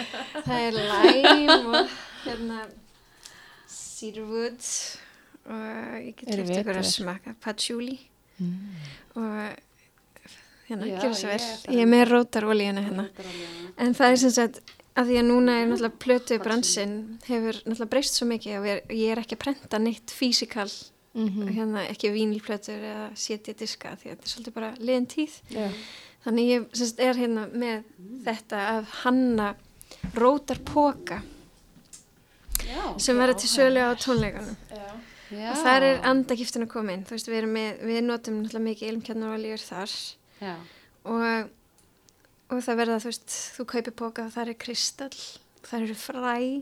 Veist allt sem tengist rótinni og svo er líka bara hérna semst kóði þar sem getur náði í plötuna já. og alls konar aukaefni sem að er ekki á henni. Þannig að þetta er líka, já mamma mín þessu. handsaumar pókana og þrykkir á það og þetta er bara dásamlega. algjört nostur og bara skiptið mig útrúlega miklu máli. Já. Þetta er svona bara eitthvað alveg frá mér. Þetta er ekki fjölda framleitt þannig að þetta er svona andagiftin sem ég færi inn á inn í veist það, þetta er svo frábært. Ég er eitthvað svo þetta er svo hlýtt í hjarta. Ég að hlusta á þetta. Það það er bara svo geggjað að, að vera maður sjálfur og sérstaklega á svona litlu landi eins og Íslandi það sem er ekki alltaf pláss fyrir stórar manneskjur um, að Já. gera bara sitt eigið og Já, ekki vera vera ekkert að pæla í hvað hinum finnst, nei, sko. nei, og, ekki, og pæla ykkur um svona hvernig á að gera þetta og hvernig er Nei. best að gera þetta þetta er bara svona vera einlagur og stíga fram sem maður sjálfur. Já, En, en finnst þér, þú veist, er það opnað, þú veist, ég meina, er þetta, ég veit, þú veist, lögin hafa almennt verið, verið tilfinningaleg, veist, ég meina, þú hefur yfirlt verið að tala, ég meina, ég man nú eftir einlega sem að fjallaði eitthvað í tengslu við dóttuðina, ég minni það. mm já það er á nýju plötunni. Þetta er barn. Já, já, og hérna, og þú veist, þannig að þú ert alveg að opna, þú hefur alveg verið að gera það áður, skilur, opna þig persónlega. já, ég hef ekki verið feiminn ekki, það. þú veist, þú ert listamæður, menn, þú ert alltaf að opna og sína hlustandinn er að kynnast þér. -hmm. og, og þú veist, þetta er rosalega berskjöldun á einhver leiti, er þetta meira núna eða ertu kannski bara orðin það sterk í þér að þið finnst þetta bara þú veist, þau er búin að taka þetta í sátt, veist, ég finn svo sjálf. Því ég er búin að taka eitthvað í sátt mm í mínu ferli, -hmm. finnst mér bara orðið ekkert mál að ræða eða opna það nákvæmlega. eða eða eitthvað svona já, ég held að það sé nákvæmlega málið. Þú veist, mér líður bara það vel inn í þessu veist, og inn í sjálfur mér í dag. Ég þarf ekki að fá viðkenninga eða samþykki frá neinum. Einmitt og ég, veist, þetta er allt ferli og maður hefur náttúrulega farið í alls konar áttir og oft Mhm. Er það erfitt því að maður er einmitt að gefa mikið af sér, maður er að opna hjarta sitt, maður er að búa til og skapa eitthvað, ég held að sé sama hvað maður er að skapa og hvað maður er að gera. Þegar maður gera það svona fullum eldmóði og með, þú veist, opið hjarta, þá er úslega erfitt að lesa síðan einhverja gaggrinni, þú veist, um eitthvað pródökt sem að fólk kannski gefa sér eina hlustun, þið veitir, og maður er búin að vinna þessu í ykkur ár og það er ótrúlega auðvilt að þetta í gremju. Þú veist, og vera bara gramur og bara og, þú veist, verið þar veist, og ég held í gremju minni hafi ég alltaf ákveðið, þú veist, bara ég er hætt nú hætt ég bara, já, Já. ég gef ekki Já. meir, þetta er bara fárunlegt og Mhm. ég læt bara ekki dæma mig svona og ég og þetta er sem veist, við bara- erum bara öðrum vettangi Já, ég held að sé öllum störfum þá eru þetta svona Ég sveiflur sko. en núna bara, þú veist, ég be bara kennsl á þig um leið, þú veist, eh, á þess að gremju, þú veist, og ég leiðum bara ekki að fara þangað Nei. Mhm. Og það er hérna ótrúlega góð tilfinning að vita hvað er gremja og hvað er, Mm. þú veist, einhver svona að ætlast til eitthvað af fólki, Mhm. þú veist Já, en auðvitað langar mann alltaf til að flestir fíl eða einhverjir margir eða einhverjir eða það þurfa ekki að vera allir þú veist, það er þetta næs að flesti fíla það sem maður er að gera skilur og, og þú veist það er, það er gett næs að fá bara fimm stjórnum fyrir blöðum sína og, Já, en það er líka en, en það er rosa gott að vera fráls frálskakast í að það sé bara ok, þetta er bara ég er sátt við þetta og Já. ég er sátt við þetta, þá þarf það ekkert mikið meira en það sko. að því að það er auðvitað, þú veist, alveg jafn ónæs að fá fimm stjórnir fyrir eitthvað sem að þú ert ósátt við eða ert bara ge ekki að gera fyrir hjartanu. þig. Já. Já, ef það kemur frá hjartanum, maður finnst maður að vera í einhvern tilgangi í því Mm og ég finna það allan hjá mér, þú veist, ef maður er að setja fram eitthvað, veist, bara skoðun eða berjast fyrir einhverju máli eða eitthvað og maður finnur að maður alveg, ég er bara, ég finn þetta er rétt, Mhm. ég finn þetta er, þú veist, inn í mér. Já, bara, það er miklu stærra heldur en ykkur kritik. Og þá er mér alveg saman til 90% sé á móti, mm Mhm. það skiptir ekki máli, þú veist, ég finn bara að það er rétt. Veist, Og, hérna, og það er örgulega eins í, eða þú veist, er það ekki bara eins í þessu? Það er bara eins og hérna, Já, já, en ég hef ekkert alltaf verið þar. Nei. hérna, þú veist, þó mér hefur fundist smíði mín vera falleg og mikilvæg. Mhm. Þú veist, plötunar eru allan mjög mikilvægar. Það hef ég samt einhvern veginn vonast eða sett einhverja væntingar út um einhverja niðurstu Já. eða einhverja útkomu Mhm. um hvernig fólk tekur því eða Já. hvað skrifaði um það, hversu miklu umfjöldum færið. Veist, og þetta er bara... Like Já, þetta er bara, oh my god, við náttúrulega, þú veist, lifum og hræðist í þannig samfélagi er Þú veist, bara mjög like menning. Já, og þetta er bara, veist, besta og mesta æfingin að sleppa tökunum, sko. ok, veist, og líka vera ekki með væntingar og fyrir bara að finna þakklæti fyrir það Mhm. fólk sem ætlar að koma bæði bí og vera með mér. -hmm. Þú veist, að vera ekki einhvern veginn alltaf bara í Já. gremjunni yfir að þessi ætla nú ekki að koma og hvað er á Já. honum og Já. hann er bara ekki að styðja mig og Já, við erum Já. með fókusið þar, það fyrir að vera í þakklæðinu, sko. já, ég hérna, Mm. og ég, já, ég hugleiði á þetta á hverjum degi. Núna? Já, nú er þetta bara... ekkert bínu svona, það er ekkert smá svona jitters í þér yfir þessu, þetta sé, Nei, það hefur alveg komið upp sko, en þá Já. er ég bara aftur og fer ég alltaf aftur og aftur. mm Ég fekk símtel frá bæjabíðarum eða tölvupúst bara fyrir svolítið síðan samt, að Mhm. hérna, uh, bara þrín miðar seldir, allt í panik, verðum að gera eitthvað, eitthvað, þú veist bara Já. þetta og þá fann ég bara nei, og náttúrulega bara frá að gráta, bara skriðin skil og ég ætla bara að hætta við og sagði það með þessu manninu minn, Já. bara ég, ég ætla bara að hætta við, ég það bara ekki koma og og hverju er ég að þessu? Já. Þú veist, það var svona tímyndu svo var ég eitthvað, "Ah." Já, það svona að hlæja að þetta er maður í þessar mennsku. Og og það er bara mjög mikilvægt að vera meðvitaðar um, um allar þessar tilfinningar Já. og ég held, ég hef þetta fallega fyrirtæki sem ég á sem heitir Andakift og Mhm. maður aðeins koma inn og er Mhm. náttúrulega bara svona ákveð heimili fyrir mig Já. og er bara staður þar sem ég hjartengi mig mm Mhm. bæði með því að vera þar og með því að kenna þar og þar erum við bara, ég er að kenna þetta því veit, ég er að segja þetta alla daga þú veist, þannig að, þú veist, að lifi sjálfskærleika Já. og væntum þykja og samþykja og það sem þú ert og það sem þú ert að gangi gegnum. Og það einmitt verður líka hræsni ég var síðan heima bara eitthvað rosalega vond við mig. Einmitt. þannig að þú veist, það er mjög mikilvægt að hefja daginn í þessum kærleika og vita Mhm. hvernig maður fer út á sporinu til þess að fara aftur. Hver er svona þín daglega yðkun, persónulega, Já, þitt sattana? mm, það er um, góð spurning. Já, þetta er ótrúlega góð spurning af því að það sveiplast svolítið eftir hvar ég er öruglega í tíðarhing hérna stundum er ég rosa kátt og orku mikil og sem dag vil ég bara liggja í, í fórstustöðinu sko. en um, það er kakó aðtöfn og hérna það sem ég sest um, með súkulæði sem við notum í andagift hreint kakó. alltari eða eitthvað heima? Uh, já, ég er með já. gluggakistu sem er alltaf hjá mér núna Mhm. En svo er ég náttúrulega bara með lítið rými inn í andakjöft sem er svona enga rými og þar yfka ég mest. Ok, Þannig ég mæti í rauninni í vinnuna inn í hulisluna mína Já. eða hérna satanað sem við kallum. Og mér finnst það svo gott að því að við vinnum svo mikið með kakoblönduna og ég kenni stundum tvo, tvo tíma dag. Mhm. og þá tengi ég ekki á sama hátt við medicinið eða Nei. þannig að gjöfina sem að kakó, gefur þannig að mér finnst mikilvægt að yfka með henni einn Mhm. og þá er þetta rauninni bara ég er bara byggð um stuðning. Ég leita til aðri máttar sem ég veit að þeir eru mikið að hafa um hvað er. Já, já, Og- já, fer inn í þetta aðri leysi veist að byggðum vend og, og hérna ég fer alltaf með bæinn sem að er bara ég byggði um að hérna, segja mér eða sína mér hvað ég á að gera Mhm. hvað ég á að hvert ég á að fara, hvað ég á að segja og við hvern. Mm þannig að það er svona eitthvað sem ég, ég ákvað bara að láta svolítið leiða mig inn í, inn í það ferðalag. Og svo er það oft svona kröftug öndun, bara í rauninni svona að losa losa þess að gremja og reyði sem að Já. oft stefast að nýgst undir nýri og e, svo finnst mér best að yðka sem þetta jóka sjálft hjá Já. öðrum kennurum Já. þú veist þannig að fara inn í, náttúrulega erum inn í jókasjala en ég hef rosalega greiðan aðganga fjölbreyttum tímum þar, Upp, já, góðum kennurum þannig að Mhm. Já, þeir eru náttúrulega í húsi með jókasjala. já, við deilum rými sem er Nei, hún náttúrulega leigum hjá þeim. Já, þeir Já. leiðu það þeim. Ég er líka, ég, ég jartengi mér líka í uh, andagift. já,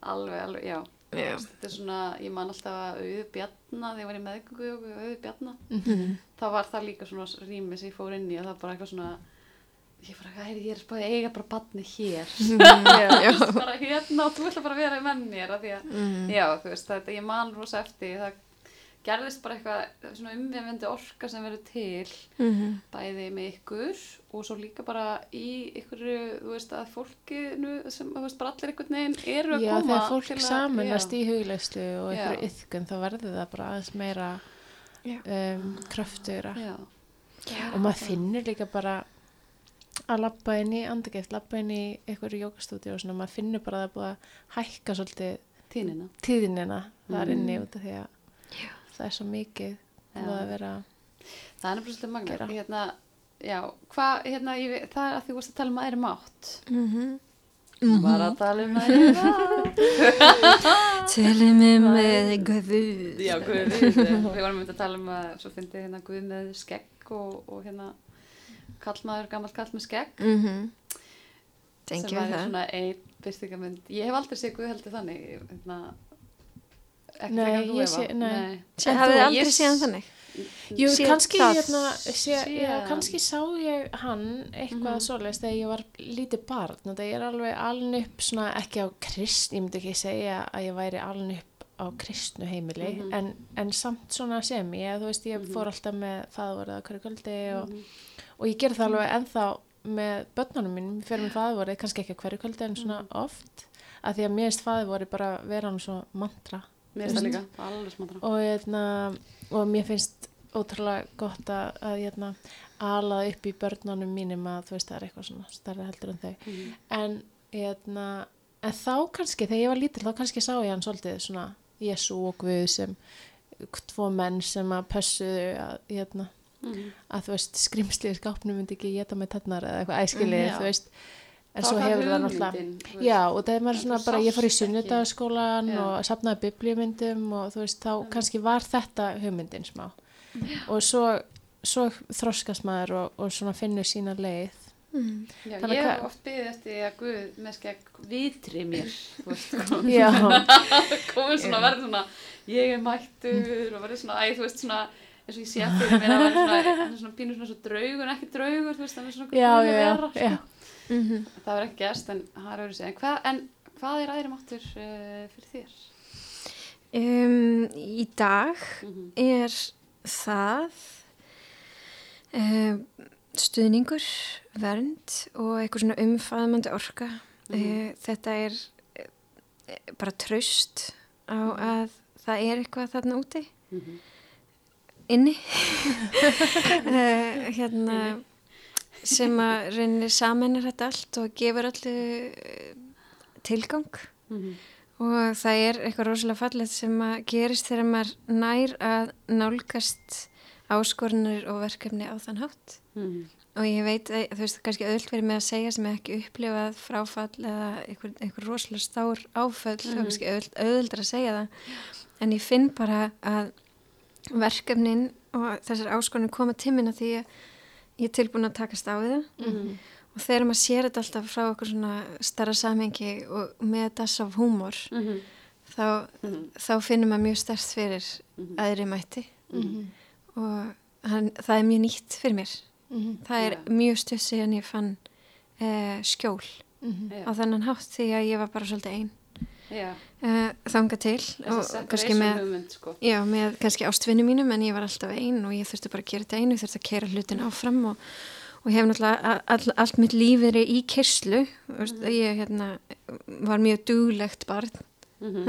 Já, það er rosa dug, það er svo mikið aðrið í Íslandi að vera dugleg. Já, ég ég var veist, rosa dugleg. Íslandingar eru rosa mikið sækja, svona binda ykkur, þú veist, alveg við að vera, þú veist, það er ekki duglegur, Mhm. veist, ekki, ég fyrir sérstaklega, ég veit ekki, en svo ég elska kallmenn mikið, það er, það er svona þing fyrir kallmenn að vera er Þeim líka fyrir konur, Já, líka líka fyrir konur, bara já. ég er svo, ég er sé svo dugleg og ég er svo dugleg og ég er hérna, sjá mér sér börn og ég er eldan matur og þrýfa þetta hús og sko, Baka- maðurinn minn má ekki gera neitt og það hann súpunum, þvær já. vittlaust, það er alveg líka, Já, já, þetta er mjög Í svona- konum.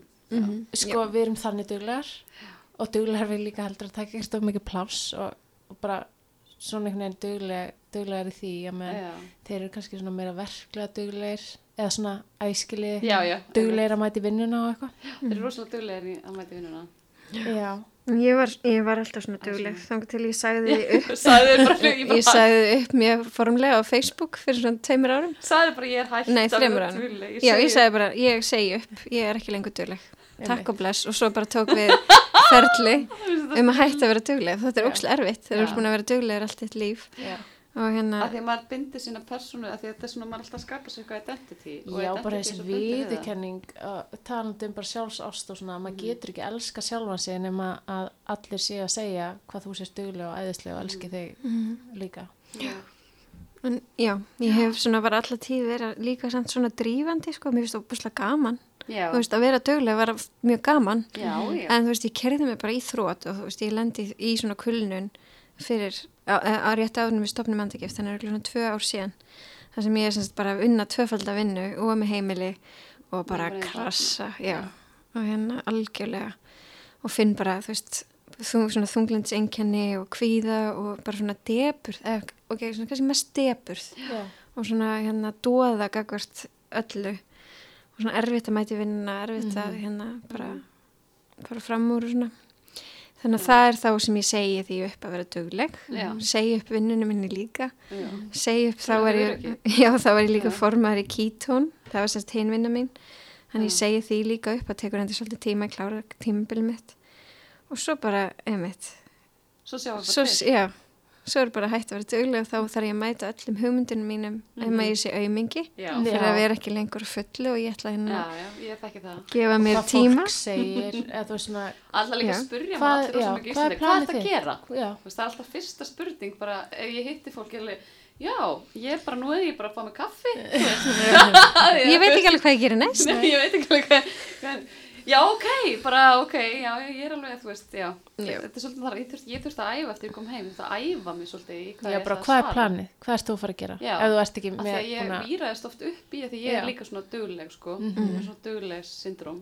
ég held að við líka Íslendingar séum bara mjög dugleg þjóð Við erum náttúrulega bara Já, dugleg. við þó þurftum að vera það. Já. og getum núna aðeins fyrir að slaka á en við erum líka bara að sjá það að því við erum búin að vera duglega svo lengi og það þjónaði sínum tilgangi að okkur tíma Já, já. það er ekki að þjóna sama tilgangi núna því að við erum bara liggjum Mhm. þú veist bara, fólk er bara í börnáti þjóðin er bara í börnáti þannig að hérna við sjáum að það er ekki það ætti ekki að vera megin atrið í dag, þú Nei. veist, dugnaður. Það ætti að vera meira, þú veist, þessi þetta mildi og að yfka og, og hugsa um sjálfa sig. Ég hef líka oft, já, ég hef oft sagt að sko, hvað myndi gerast ef við myndum bara hæja rosalega á samfélaginu? Við myndum bara túna þetta niður, bara, let's bara förum úr hérna fjóraðagýr og í annan Mhm. gýr, bara prófum að gera það, þú veist, bara vinnum aðeins minna, gerum bara aðeins minna, við erum bara aðeins, róum okkur bara, þú veist, það myndi ekkert gerast, það myndi kannski, það myndi kannski eitthvað svona aðeins hæjast á öllu, en það myndi fundamentali ekkert gerast, þar að segja að það er engin katastrófa, það myndi allt, þú myndi halda fyrir að framleiða. ég held og, að við þú myndi, veist, það myndi meira gerast sko. Já, Ég það myndi bara já. meira gerast. Já. Það myndi bara gerast að því meira að- sjálfum sér bara. þið sjáu Það er svo mikið fórs alltaf í gangi. já, þú veist það hefur bara Mhm. sá tími sem við lifum á núna við erum með aðgengi í allt Mhm. þú getur alltaf fengið, þú veist, pantaðir mat þú getur fengið allt bara á innan við bara 20 mínútur Já, og, og það er ekki að, við hefum bara aldrei verið ja, þú veist, afkasta lítil í raun, eða þú veist skiljiði, þú Já, veist, já. þetta allt sé svona hratt, Já. þá er Við erum alltaf búin að hraða allum ferlum rosa mikið með öllum þessum tækni Já. og því, en það er kannski ekki búið að taka, svo að tala um, þú veist, þessi breytingar, þar að segja, sko, fyrir 1980 var það 8 tíma vinnudagur og þá var heldur ekki sko einmitt. eða bara, lögfræðingur, þú veist, þeir voru bara að rita á hvernig ritvélum, þú Mhm. veist, það var ekkit, þeir skil, það er ekki búið að taka, í raun og veru er í raun og veru ekki við eða vinnuveitandinn eða þú veist, eða vinnu við sem vinnum, skilur, við erum ekki, það er ekki búið að jústra samfélagi í raun og veru með þessa tækni í huga, en það er svolítið að gerast mjögulega ósýlast núna með sjálfvirkni að einhver starfa. Já. og mun þetta kannski svona aðeins gerast og þetta tengist alltaf lítið, ég er eitthvað svona, ég finnst alltaf allt er tengist eitthvað, skilur þannig að þú veist, já, þetta er já, en við vorum svo sem að tala um dugnar hérna uppsögnuna Já, og hvað var síðan, og hvað gerist síðan einhvern veginn, Mhm. var, varstu fylgdur þið eitthvað tíma eða kom þetta bara til þín eða, Já, ég hérna uh, hitti kakoblönduna já, uh, Bara stutt eftir og sagður. Já, ég Eða sagður upp eftir þú veit. Já, ég hitt hana á stofugólfinni hjá hérna, meðeigandun mín menni Tinnu Sverrisdóttur Já. þá hérna við þekktumst eiginlega ekki neitt og hún var að auðlýsa svona enga tíma bara heima hjá sér Já, Og- ég man eftir þess líka þá þegar hún var alltaf hjá mér í jóka. já, Já. Mhm. og ég ákvað pant tíma, ég held ég að vera fyrsti kúnin hennar eitthvað já, og ég mæti og ég viss alveg í hjarta mín að ég þurfti að hæja og segja upp sko, Mhm. en það bara hjálpaði mér en þá Já. frekar og ég held ég að lappa bara beint út frá henni og inn á skrifstofa með yfum hennum mínum og veist, í minningunni var það þannig, kannski leið vika, ég veit það ekki. En þú veist, þetta var bara Mjög svona kristal, já, Já. kristal skýrst já, þannig að ég, hérna, og fyrir ykkur sem er að hlusta og viti kannski ekki hvað ég er að tala um þegar að tala um kakó eða súkulæði, þá er þá er þetta 100% reynt kakó frá Guatemala og hefur verið notað til þess að opna hjartað. Og er ríkt af magnísíum, andóksunrefnum og bara svona velíðunar hormónum þannig að okkur líður rosalega vel.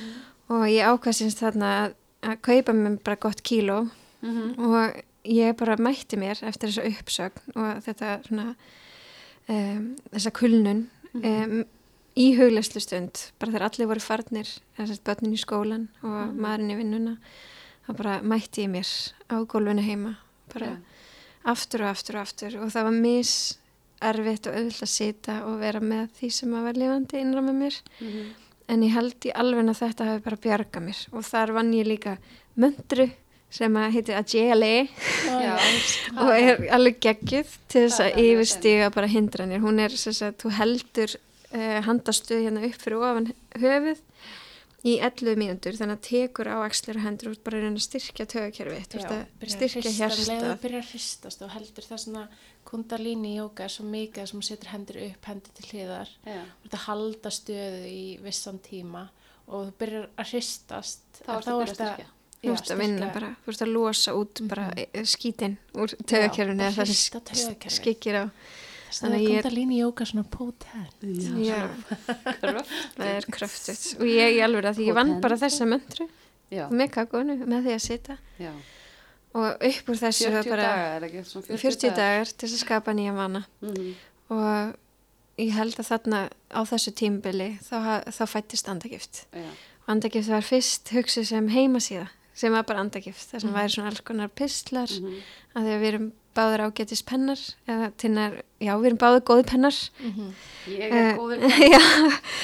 Og hérna og einn frekar auðvilt með að skrifa text og svona og Já. það var svona hu hu hugmyndin í upphafi.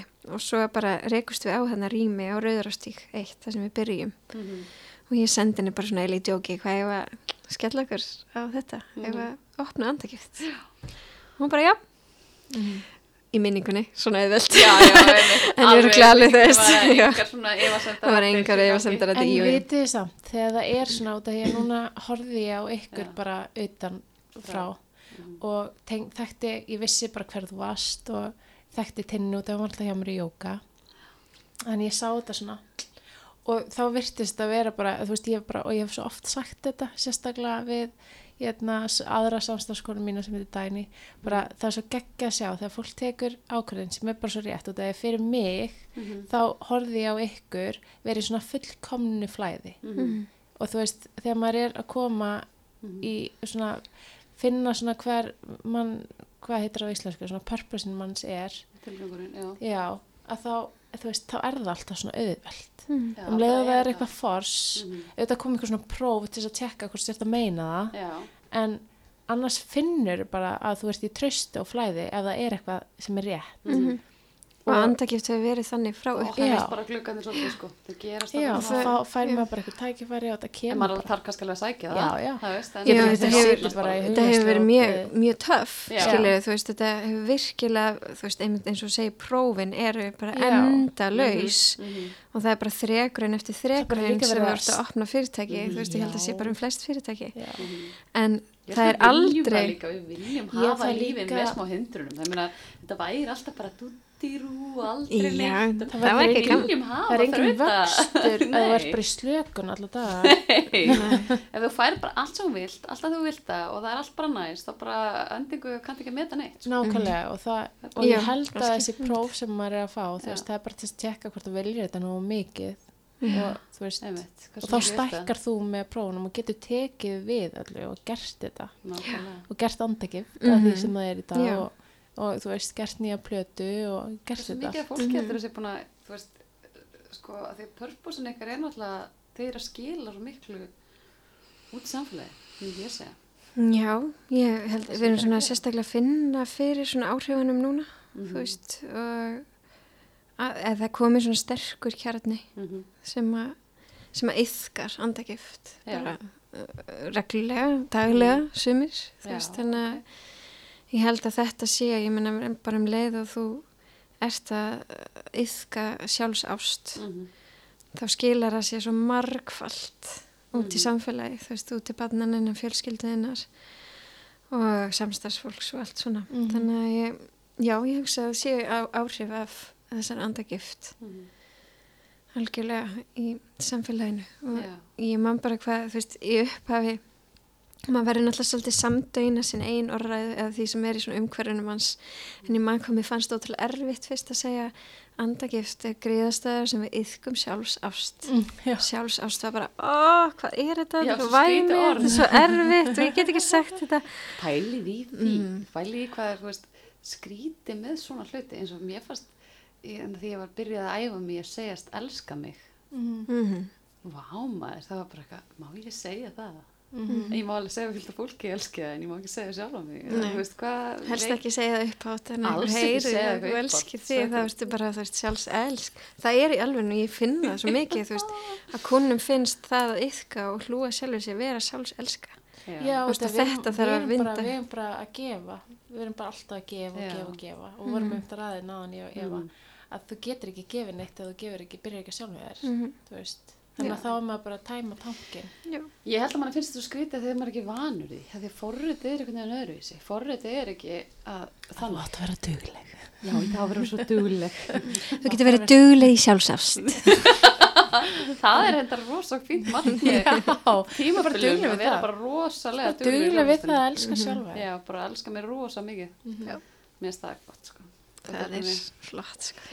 ég meina þú veist að því að þá ég finn það bara, ég, veist, ég líf mitt að ég veit ekki allavega þú veist að tala um þetta breyttist bara allt í einu hafði maður eitthvað þú veist maður, ég hafði ekkert maður hugmyndin um það, þú veist þetta að gefa það væri svona, ok, ég er að gefa ég er að gefa eitthvað af mér og þá verði ég að fá eitthvað tilbaka Baka. því ég er í þú veist, þessum leik hérna sko, og ég er að verja Mhm. þú veist, ég er að verja mig alltaf og það er svo skrítið að allt í hennu fatta já, auðvitað er það ekkert, meika það ekkert sens eða skilju, maður er alltaf að passa sig að gefa ekki Mhm. og verja og að því að maður er svo mikið að verja sig að verða ekki særður þetta er sko, þetta er þetta er omment, þú veist, paradox, þetta er svo mikið paradox að það er eiginlega því meira svo gefur því meira færðu, Já. þetta er eiginlega svona eru öll mótsögnar kendurnar, þú veist, því meira þú opnar, því meira þú elskar, því meira þú elskar sjálfa því meira getur verið bara, já, ég elska þig og ég, mm. veist, þú og það er náttúrulega það sem að Jóki Já. og jóka sem að þýðir eining gengur út af það er þjónusta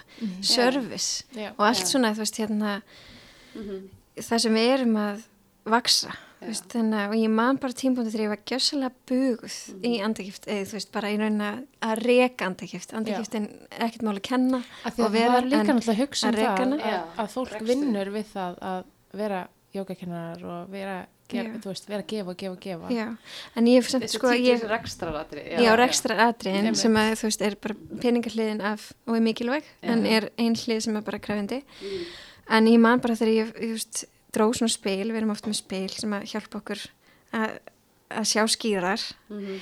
og það dregi bara spil sem að stemdi bara focus on service Mhm. Þú veist, bara gerðu ekkert annað en Já. bara halda áfram að þjónusta og þjónusta og það er það sem Yogi Bhajan og Kundalini Yoga gengur mikið út af að kallast að vera sefa, Sefa. að vera í þjónustu Í að þurfa ekki alltaf að fá greitt í ykkur formi fyrir alla, allt sem þú leggur Mhm. þið fram við þannig að hérna Það kemur yfirleitt og, þú veist, þegar ég- eins og í þessum fræðum, Mhm. þá ef maður er on purpose og maður er að þjóna, þá bara the world will take care of you. Ja, þú veist, það er bara heimurinn sér um þig, sko. Bara hafði ekki águr, tristi bara hann muni sjá um þig. og til dæmis eins og Yogi Bhajan hann var náttúrulega bara Já. rosalega klára viðskipta í jöfur og, og það er líka svo geggja við hann að hann ónar það alveg og það er líka ótrúlega oft svolítið erfiður þessi balans ekki, sko, e, þú Mátt ekki ekki vera í peningum. Já, þú ætti eiginlega helst að vera bara svona búttamungur sem er bara ykkur ölmusu út á götu, og maður þarf ert- heldur ekki ruggla, þú veist, þetta er svona, þetta er líka þessi balans, þú veist, Mhm. að maður má ekki ruggla þessu saman, Mhm. þú veist, að maður þarf svona svolítið, Já, en það er alveg veist, því mér finnst uh, peningar erfitt að því að mér finnst sko ákveði negatíft í kringu það, ég er með svona negatífa uh, að því að þeir eru bara eins og áfengi eða þú veist, eitthvað hvert annað eða mm. með fíkna höfðun eða eitthvað, þú veist, ef þú festist um of í elda peninga, þá á einhver tíma eru þeir farnir að stjórna þig. en til dæmis eins og Yogi Bhajan Já. og Osho og svona, Mhm. þeir, þeir töluðu bara um peninga sem orku. Þeir eru já, Já, einmitt. bara þeir, eitthvað svona, þeir eru svo tengdir sér og tengdir sínu að þeir Mhm. getur bara leikið sér með þessu orku eins og alla aðra Já, orku. bara nú þarf ég pening, Já. það komti bara, þú veist, já, ég ætla að gera þetta, þá Já, kemur bara gerir peningur. prosperity kríu og það. Já, já.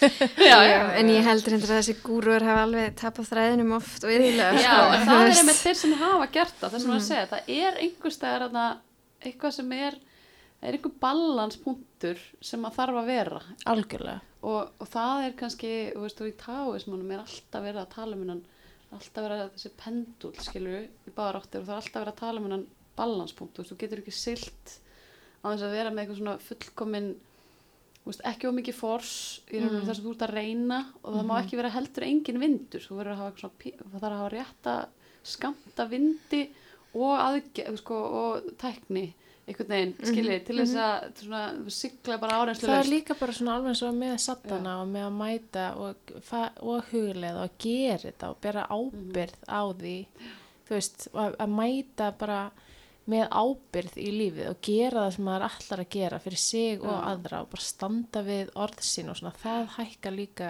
Já. vitundina þína í Einmitt. fyrir að vera eitthvað svona fleiki gagvart þér og gagvart öðrum, þú veist Já, þá, þá er það, þú og það er með disciplín, þú veist, Já. það er, og, það er bara þessi sjálfsægi og Já. dagleg yðkun og, Mhm. og allt það og ég held að það sem gerist hjá gúrum þegar þeir tapa þræðinum Já. er að þeir hætta yfka Já, þú veist, þeir held að þeir séu búin að mastera eða þú veist, komni er með eitthvað egoið og eitthvað og Mhm. þá hérna, er nýtt. finnst þeir þurfa ekki lengur að yfka og þegar þú ert ekki þar þá tapar Mhm. þú veist, að dettur inn í ego og þú veist ekki alveg hver mörkin eru Einmitt.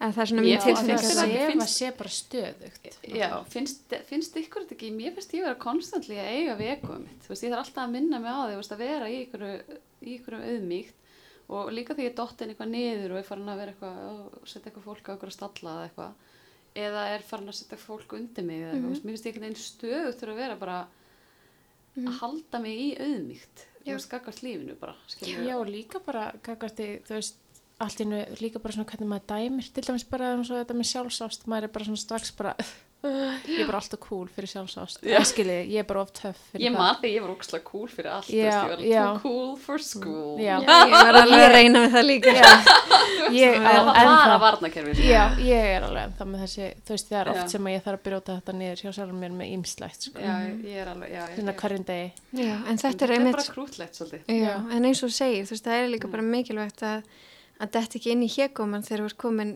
þú veist, farin að elska sjálfa eins og mikið að þú, þú veist, verður reyni einhvern veginn Já. yfir Já. aðra hafin. Þú veist, það er alveg, ég hef alveg fundið eitthvað svona, bara, vá, ég er svo mikið með þetta og, þú veist, akkur eru ekki allir að gera þetta sem ég er að gera, Já, þetta er já, já. Þú veist, og þá er bara, Ég er hei, ok, aftur nýra jörðina, Já, já, þú veist, þetta er við erum að- sko, bara farði bara nýra á jörðina, þú veist bara, you're just, Mhm. ég var hitt eitthvað svona jóka datamunk um daginn, hérna, sem að, að því þá hafði ég verið að upplifa svona eitthvað kundalini awakening, dót sko, og ég hef alveg verið að upplifa það, þú veist það sem að það byrjar eitthvað, hann fór einmitt að, hann setti mig alveg niður með þetta sko, þú veist, hann var alveg já, sko, hérna, það er alltaf á ofbáslega svona mjúkur gæl svona mega næs svona eitthvað.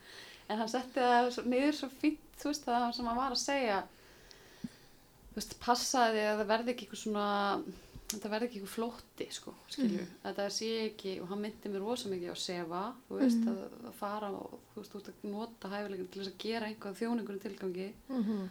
Og, hérna, og, og var einmitt þetta þú veist, að það sé ekki að, þú veist, að leita eitthvað ástand eða halda einmitt þú veist, eitthvað lengra komin eitthvað á einhverjum mm. vegferð í lífinu heldur en eitthvað annað fólk sem maður er ekki skilji. Nei. og það er örgulega alveg eins sem maður er eitthvað ógeðslega ríkur eða eitthvað segjum að maður væri rosalega ríkur þú veist, það er örgulega hvernig ætlar að halda er þú veist, humble þú veist, Ég held líka sko að já. Ofta fólk er kannski, maður er að vinna að ykkur mm og vill fá pening. Þú veist, og er kannski bara að vinna því að þú veist, þú fá pening til þess að geta bara að lifa þín lífi og þú veist bara, og fólk er bara með eitthvað mörg eitthvað starf hvenar það er veginn komið, skilji, að þá færðu það oft líka svona svolítið mm tíma til að feysa sjálfa þig. Og hvernig að feysa sjálf, þú veist, þegar, að við erum oft svona svolítið í daglegu lífi í einhverju höstli að þið skilji, bara svona geta að borga, að borga leiguna og borga símreikningin og eitthvað svona Mhm. en þegar það er eitthvað sem maður hefur ekki svona það mikil áhrif á þinn daglega dag Mhm. þá þarftu svolítið að feysa þig Mhm. og það, þá fer fólk oft, veist hv- hversu tilbúin ertu í það að feysa þig eða skilja, þú veist, þetta er ekki þegar það þetta er ekki já, og já, já. bara Mhm. þú fær bara tíma Mhm. til að jötna, horfast á við, ekki, þetta er ekki orðið þetta sem þú ert alltaf í einhverju leit að Mhm. skilja hvað ég við Ég skil alveg hvað er. tala líka um þetta ekki maður er svona að hækka vitundina til að geta auðlast uh, prosperity og fengi, orðið jötna, fengi það sem þú vilt fá og allt Já. það Mhm. að, en þú ert kannski þú veist, og svo, þú veist til dæmis bara með frækt fólk ef ég myndi núna gera YouTube myndband og verða fræg yfir nóttu Mhm. og ekkert verið tilbúin í það veist, þá er kannski mikla líkur að ég myndi bara fara alveg í rugglu og gleyma öllu sem ég er búin að læra Já. og bara fara á jammið eða eitthvað Mhm. og B5 bara alltaf að snappinu já, einmitt Get til í Eh, þetta. að því að þú ert ekki tilbúin til þess að horfast í augu þig að skilja Ekki til í þetta? Var eitthvað svona pels og hæ, eitthvað svona jú, jú, ég er að fara að gera YouTube myndband bara núna. Já, Ef að taka þetta í YouTube, við þurfum að taka þetta YouTube Já. bara eftir og sjá hvort að Já. 5 miljónir verður ekki? Já, Er það svona nýjasta, nýjasta fræga fólki mér svo fyndi eitthvað svona það eru 20.000 manns að fylgja einhverju mannesku og það er bara basically nýja fræga fólki er eitthvað svona það sem eru með mesta fylgjendur á Instagram. Já, TikTok henni á krökkunum, eða börnunum okkar. Hvað já, heyrðu, hvað er það er svona, hérna, uh, gamla musicali, ertu að gera svona vídeo út, sem sagt, og, já, ég kann ekki alveg útskýra en ég veit bara að það eru sem sagt TikTok stjörnur Já. sem að koma reglulega til landsins og það er bara löngruði mm Mhm. smáralind já, já, já, já, já, það er alveg rétt, já Það verður rauninni, þú veist, að mæma eitthvað ákveð lag eða eitthvað ákveð já. dansar í gangi og þú veist að að apa það eftir. Já. Já, nema þetta er svona meira eins og Facebook, þetta er Já. svona interaktiv, veist, það eru samskipti sem eiga þar sér stað. Já, allan að, já, dóttur mín er 11 ára, hún er á þessu, hún má ekki vera á þessu því að 13 er aldurstakmark, þannig að ég er ekki standa með þar. en, er þetta svona mamma það er allir í Já, bekknum í þessu og það eru ábyggilega flest, allir, en þú veist, þetta er líka skapandi, þú veist að, þú veist, búa eitthvað til, þú veist, bæði myndbrot, hún er bara slag klári í þessu, sko, en Já. svo er þetta líka náttúrulega þrýfst alls konar Einmitt. uh, einelti og svona inn á öllum þessum miðlum, Mhm. veist. Ég er rosa hrættu, ég var að setja þarna ég var í svona átaki þar sem ég var að reyna að minka í mína eigin uh, samfélagsmiðlanótkun mm Mhm. og um, svo smíkti frá sig færandi ég fór líka í svona hérna, eh, þetta, þetta hérna átak Mhm. að snýðast líka um aðra hluti að- alls er Á, átt ég get alveg sagt það bara. Já. hérna, ég- til dæmis sjálfsfróun bara hætta því, öllu svona kynfyrslegum tengingum út Mhm. sko. Af því að ég var svona kanila efla framkvæmdaróskurna mína. Mm vera rosa dugleg í smá tíma. Eða veist bara aðeins að svona bara ná okkur clarity, bara fókus og hérna og mér finnst þessi samfélagsmiðlar vera rosa mikið taka fram með fókus en allan þess, ég setti á sím, sagan er svo að ég setti á sím, síma minn svona tímalínu eða þú veist, ég get bara eitthvað x hálftíma dag á öllum samfélagsmiðlum og það var eiginlega fáránlegt hvað ég var fljót að, þú veist, ég var alveg klukkan er 10.30 ég er búið með hálftíma þú veist, það var alveg þá fattar maður alltaf bara, Mhm. fá hvað þetta er að taka mikið af mér, Já. Og svo þarf maður alveg að brjóta sko, þú mátt alveg brjóta þegar segja svona ég kann alltaf ignora limitið þitt í smá tíma Mhm. já, já, ok, alveg smá þú veist, þá er maður samt einhvern veginn að Mhm. en þetta er alveg, ég held sko ég hlakkar rosa til að sjá eitthvað svona almennilega rannsóknir um hvað er að gerast í öllu þessu dótið, því þetta er svo nýtt Ég held sko, mín kenning já, er, mér finnst það rosalega áhugavert og það er fólk hefur rosalega sterkar skoðanir á samfélagsmiðlum. mm Um, þú veist, þetta er það, bara sko. svona eins og bara veganismi, feminismi, þú veist, allt þetta. Fólk hefur ro, bara þannig skoðanir á samfélagsmiðlum Mhm. og samfélagsmiðlastjörnum og bara öllu konseptinu eins og það er. -hmm. Og mér finnst það svo aðtíksvert. Af því Já. ég er ekki með svona hryllilega sterkar skoðanir á því. Þú veist, ég er Mhm. svona... Um, en svo eru aðrir sem að bara svona mjög, bara mjög sterkar skoðanir á því Mhm. og, og ég held að ég, ég sé alveg sko ég án svo svona scroll, mindless scroll. Já, finnst mér smá, smá svona já, ég, ég alveg fínn, ég hérna, náði mér að mér líði kannski ekkert neitt hryllilega vel Mhm. kannski verið eitthvað komið upp á. Mhm. og ég, hérna og sömur myndi kannski bara fara og opna reyðinslösku eða, eða, eða bara horfa eitthvað á Netflix eitthvað svona óksla mindless á Netflix Mhm. eða eitthvað bara eða Eða borða- já, um, Og- horfa á og Netflix. horfa á Netflix, Netflix. allt í einu eða bara fá sér ís eða eitthvað, þú veist, eða eitthvað svona Aha. escape Einmitt. það sem þú veist ekki að setja með því og ég Mhm. ger þetta í skrolli Mhm. ég bara allt í hennu, fór ég að fatta ég að ég bara ég fæ, að ég bara svona get tekið mig út úr líkamannum mínum og bara svona mind, það er bara svona þarf ekki að hugsa Mhm. í smá stund og er bara að skrolla Mhm.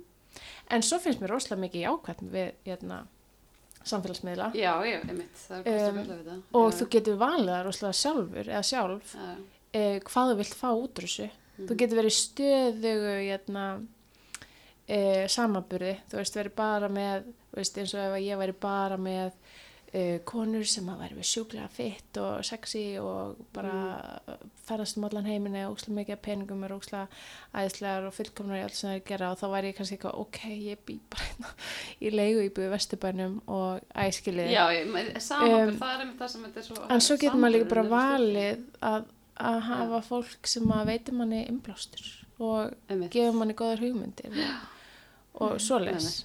Og, þú veist, og þetta gefur okkur líka ókslega mikið frelsi. Mhm. Þú veist, við getum alveg eins og þú veist, Mhm. komið útrúlega miklu á framfæri bara í já, sem að- kosti bara á þess aðra að kostur höndina. óslega mikið, Mhm. vera bara svolítið sniðu í því og, Mhm. og komið sér áfram. Mhm.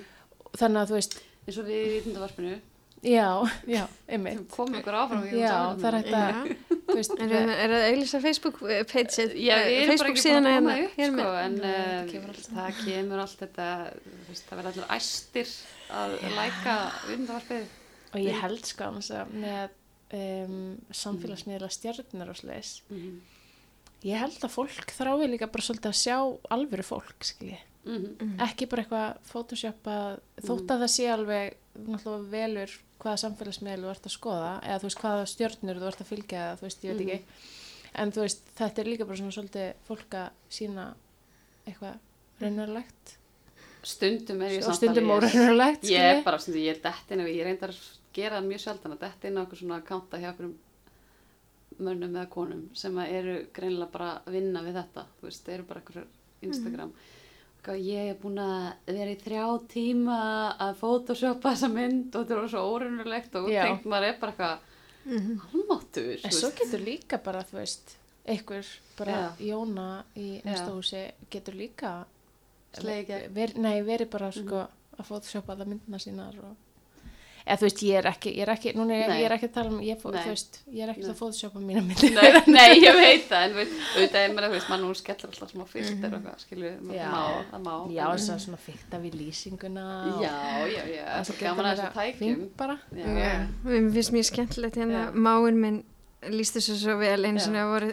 hann, sýsti mín að keira með börnin í hérna og þeir eru ekkert sérlega hressi bíl og allir alveg brjálar og mamma pappi pyrruð og ykkur að öskra á þennan og þeir bönnina rífast og, mm. og ykkur neginn inn í þessu miðju nær sýsti mín sellu, Já. selfie eða mynd af sér og allir brosandi þetta hefur kannski verið svona sekunda af Já. bílferðinni Já, Þannig að- það Já. hvernig náði hún eða þessari mynd þegar allir voru í brjálaðslega pyrruðskapi og þá er mér komið upp með hann hashtag real life Já. sem að ég er mjög spennt fyrir en ég hef ekki lagt í sjálf. Þú veist Ég að við Af bara svolítið er raunverulega mynd að gefa, Já. Þú veist, glansmynd, ég er sko, þú veist, kannski tekið mynd af kvöldmatt mínum Mhm, og setja á Instastory mhm, og bara út af því ég gerði eitthvað rosa delicious. mhm. Um, en það, þú veist, það ég er bara ekki búin að vaska upp, það er, þú veist, myndlur á gólfinu og svona, ég vel mér alveg stað. Já, já. Þar sem að það sést ekki, en líka bara svona fyrir myndgæði. Aha,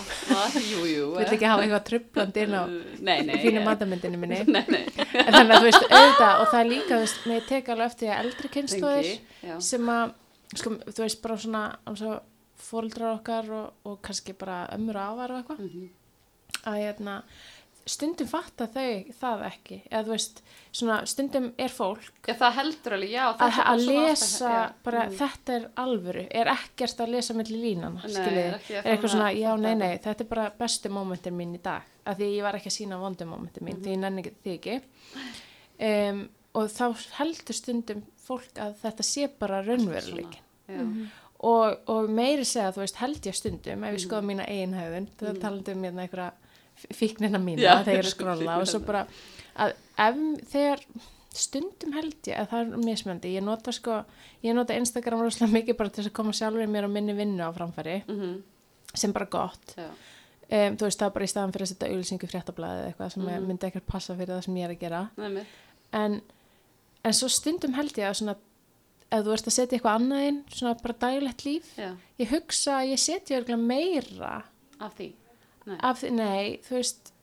stundum setja ég kannski meira af næs momentum úr daglega lífinu þegar mér líður ekkert það mikið næs já, já, já, Skiljið já, hvað já, við? ég skil hvað þið og ég er, já. þú veist, ekkert að Þetta alhafa sko. en ég held alveg, þú veist, ég menna að ég veit það ekki Ég var endur að elda með pasta klukkan 11 í gerkvöldi. Ég var ekki beint að taka myndir af því. það var endur alveg mjög næst sko.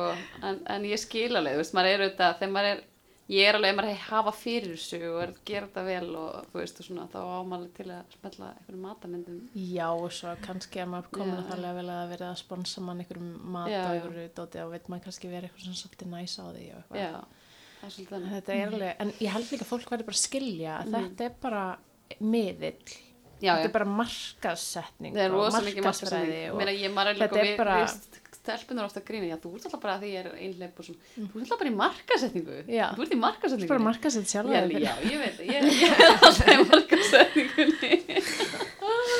Fæ ég eitthvað svona meira, meira það er alltaf svona, þá færðu eitthvað svona stærra kort á að byrta fleiri hérna, sætamyndir að þeirra. það væri þú veist. Fyndi líka að það verði eitthvað svona hegðunarreglur í þessu, eitthvað, má svona mikið, má þetta. Er þetta of mikið? Já, er hver þetta býr til þessar reglur? Ég, það er enginn að búið til, það Nei. er bara við sjálf, Já. hérna, eitthvað í okkar haus, en já, hérna, Lára, ég var svona að pæla, Mhm. hérna, Lára, ertu búin að, hérna, hvaða stjórnumerk ertu? Ég vók. já, ok, Veistu hvað er rísandi Nei, ég veit ekki, ég er búin að panta tíma í stjórnukortslastur. ok. Ég er mjög spennt. En finnst þú, hvað er það sem að mér langar svo að spyrja þig, þú veist, að fólkinu sem er að koma til þín, og svona, Mhm. hvað er það sem þú sérð sem að fólk er svona mest að vinna með? Í andagift. Já, og bara svona almennt, hvað er mest sem að fólk er að koma á og er eitthvað að skoða? Sko, Það er margir sem er að koma út af ykkur, já, sko það var mjög merkilegt. Við vorum með síðustu, síðustu helgi vorum við með sjálfstástar helgi á, í Byrkjuhofi rétt fyrir utan laugavatn. Mhm. Og það var bara mjög merkilegt hvað var þemað þar, eða þú veist hvað fólk var að fást við og það var missir og sorg. já, Og ég held að það verið næstu í hálfur hópurinn sem var nýbúin að missa eitthvað nákominn og var þannig Já. að rauninni núlstilla eftir mikið áfall og miklu sorg. hvað þá bara, er eitthvað sem hafi dáið eða, eða Já. skilnað eða, eða, Já, bara ástvinna missir, uh, dauðsföll. döðsföll, sko. já, Og mér finnst það vera kannski svona það sem að uh, fólk er að fást við og það getur náttúrulega verið sorgaferli í svo ólíka myndum og svo Mm. margt sem að veldur sorg og, og hérna en það finnst mér að vera svona Mhm. svolítið stór partur að, að e, við erum með rými það sem er leifilegt að sirkja Já. og það var til dæmis bara kona að koma í fyrsta sinn í hátægin í dag sem að hafði ekki left sér að sirkja langan tíma veist, og það Mm. opnast bara einhverju flóðgáttir og, og, og, og, þú veist, og hún verður bara mjög hissa Já. þú veist hvað sé að gerast Eitthvað sem hún bara hefur ekki haft tök á því að hleypa út. Nei. Já. eða kannski haft bara kanalinn eða hérna Einmitt. eitthvað leifi til, gefið sér leifi til þess þannig að mér fannst það, það er það og svo er það kulnunin Já. Uh, burnout, fólk sem er bæði bara er að staldra við eftir það og vinna sér upp úr því eða er okkur svona barmi Mm uh, Er ekkert eitthvað fólk að koma til einn sem er svona, mér finnst þetta þessi miðaldara krísa, þetta kallað það, midlife crisis. Já. Það er oft svona eitthvað fólk, er, hvað er ég að gera og hvað er ég búin að gera og hvað því þetta og er þetta mannuskan sem ég vil vera með eða, eða þú veist, whatever, skilju. Mhm. Er það ekkert að koma svoleiðis? Tengist það kannski þessu börnáti eitthvað? Mm. Já, ég hugsa já, sé alveg líka þú veist, markkópurinn okkar er alveg um, frá þú veist 15 og upp í 65 Já, þú veist, þannig að vissulega er að þar veist, og ég held kynnslóðan fyrir ofan mig hefur haft miklu minna pláss til þess að taka sér tíma og hlúa sér og, og rækta sig og tala Já. um tilfinningar þú veist, og við erum náttúrulega svolítið kynnslóðan sem er að brjóta eitthvað minnstur þagnar. Já, Mhm. þannig að ég held að, að svo kynnslóð sé svolítið að leita til okkar og, læra af okkur hvað það varðar og þráir það líka að brjóta þetta minnstur og við erum Og hérna sér það rosa mikið á svona fullorðna móður sko mm og að fyrir fóldra og það er bara, þú veist, já, maður sér það alveg, það, mér finnst ég laði það að verða hvað þau eru forvitin -hmm. aðla mamma, þú veist, um þetta allt saman Og við höfum verið að halda villikellinga kakó námskeið mm -hmm. þar sem við erum að vinna með kvenleikan og hugmyndir um kvenleikan, hvernig, hvað er ættast til okkur og hvað við raunverulega viljum, hvernig við viljum lifa, hvað við viljum gera, hver eru draumar okkar. Svolítið stækka bóksið og svona einhvern veginn skoða það, dansa eins við lína og, og þar eru líka bara konur frá 20 og upp í, þú veist, 65. já, Þannig að hérna, einmitt, Ég held að það sé það sem við bjóðum upp á. Veist, er líka bara, og, og oftast að mæta sjálfum þér í fyrsta sinn í langan tíma. mm. Samæla hvað, á hvaða aldru ert. En hvernig er svona að kynja hlutfallið, hlutfallið hjá ykkur? Það eru svona mm, 80-20, já, 80 konur, Já. uh, Já. 20, en við erum alltaf tveir kvennkennarar Já. og ég held að það skiptir máli líka kallmenn getur speikla sig og það er eitthvað sem við erum mjög markvist viljum uh, breyta. Þú veist og það er alveg bara markmið að að fá fleiri kalla inn Þannig ef að það er eitthvað kallmar að hlusta sem er jógakennari eða mm. vil leiða kakahuglistur það var reyndar Já. nýstarfsmaður að hefja störf hjá Nú. okkur og ætlar að vera með villi kalla kakó.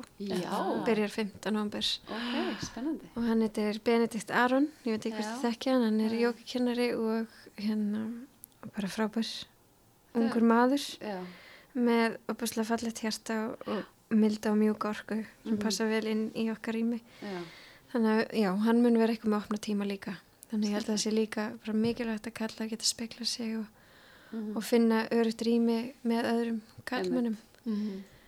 og til þess að dvelja í á þessum hjartans stað milda hjarta eins og Jónas Sigursson Já, talar um og hann er nú einn af þessum frábæri mildu karlmönnum Já. sem að Mhm. Hann er Ég innblástu tónlistarmaður. til. Já, Já. þannig að þið örgulega svona, það er eitthvað tenging ég sé, þú veist, í því sem þið er að gera, eða skilur? já, hann er hérna góði vinn minn Já, og hann hérna hjálpaði mér mjög mikið að stíga inn í rótina já, og að ég var semst fylgd honum maðurinn minn er í hljómsveit með honum, Mhm. spilur Já. trómur og ég fylgdi honum á borgarfjörðu Eistri í söma þar sem að Jónas sig var semst að taka alla plötunar sínar í heild að hann tók hérna kvöld eftir kvöld eftir kvöld tónleika það rosalega og. Sko auðmýktin og berskjöldin sem að síndi hann upp á þessu sviði var aðdánaverð Já. Þú veist, það var alveg þannig að allir bara einhvern veginn bráðinu bara meðbyrjum var svo fallir því að þú veist, það er ekki Mhm. hægt að dæma þegar ykkur er uh, svona berskjaldar eða þú veist, Nei. er svona auðmyggur og er, tengjumst allt þar, sko. og það er einhvern veginn að fór svo, fólk var svo fljótt að bara lemda Já, og það bara veitti mér einblástur og það var einmitt á sem ég ákveð sem sagt, að gefa út rótina, bara nú sé komið að þessu hérna. 4. oktober og ég ætla að halda útgáttunlega bæbíu og ég ætla bara að gera þetta svolítið flott og, Mhm. og finna þetta innra með mér þú veist, Mhm. þannig að hann var með svo mikil einblástur, mikil andagift Já, og er náttúrulega bara frábær vinnur. En ég ætla svona að kanna að því í loki, við ætlum svona að hætta þessu, þú Hvort þið langar að spila lag, hvort það verið hálft lag eða viðlag eða þú mátt bara ráða því, bara improvisunum. mm -hmm.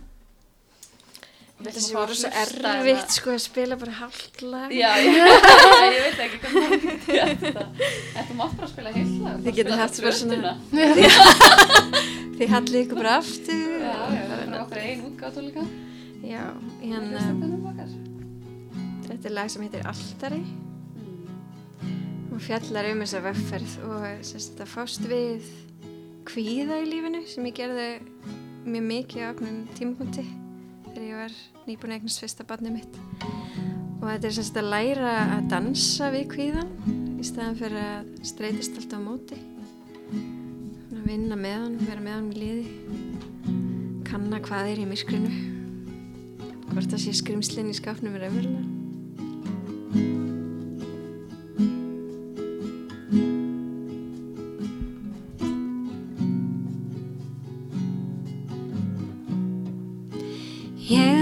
var sem fanni Hljóðlát ég fjell á þessa jörg Lét vindin mér feikja. Í ríkjandi átt. Tíminn hann gekk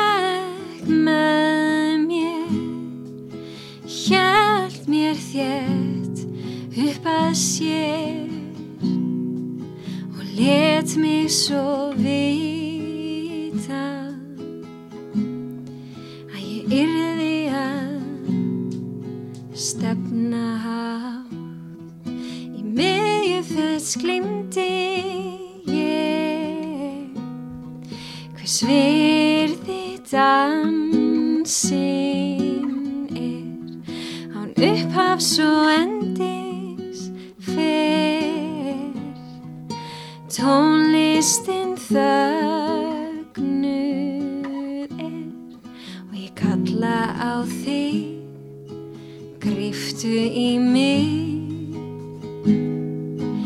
Vökvum moldina Svo kissi ég þig. Sleppi þér grasið það vex á ný.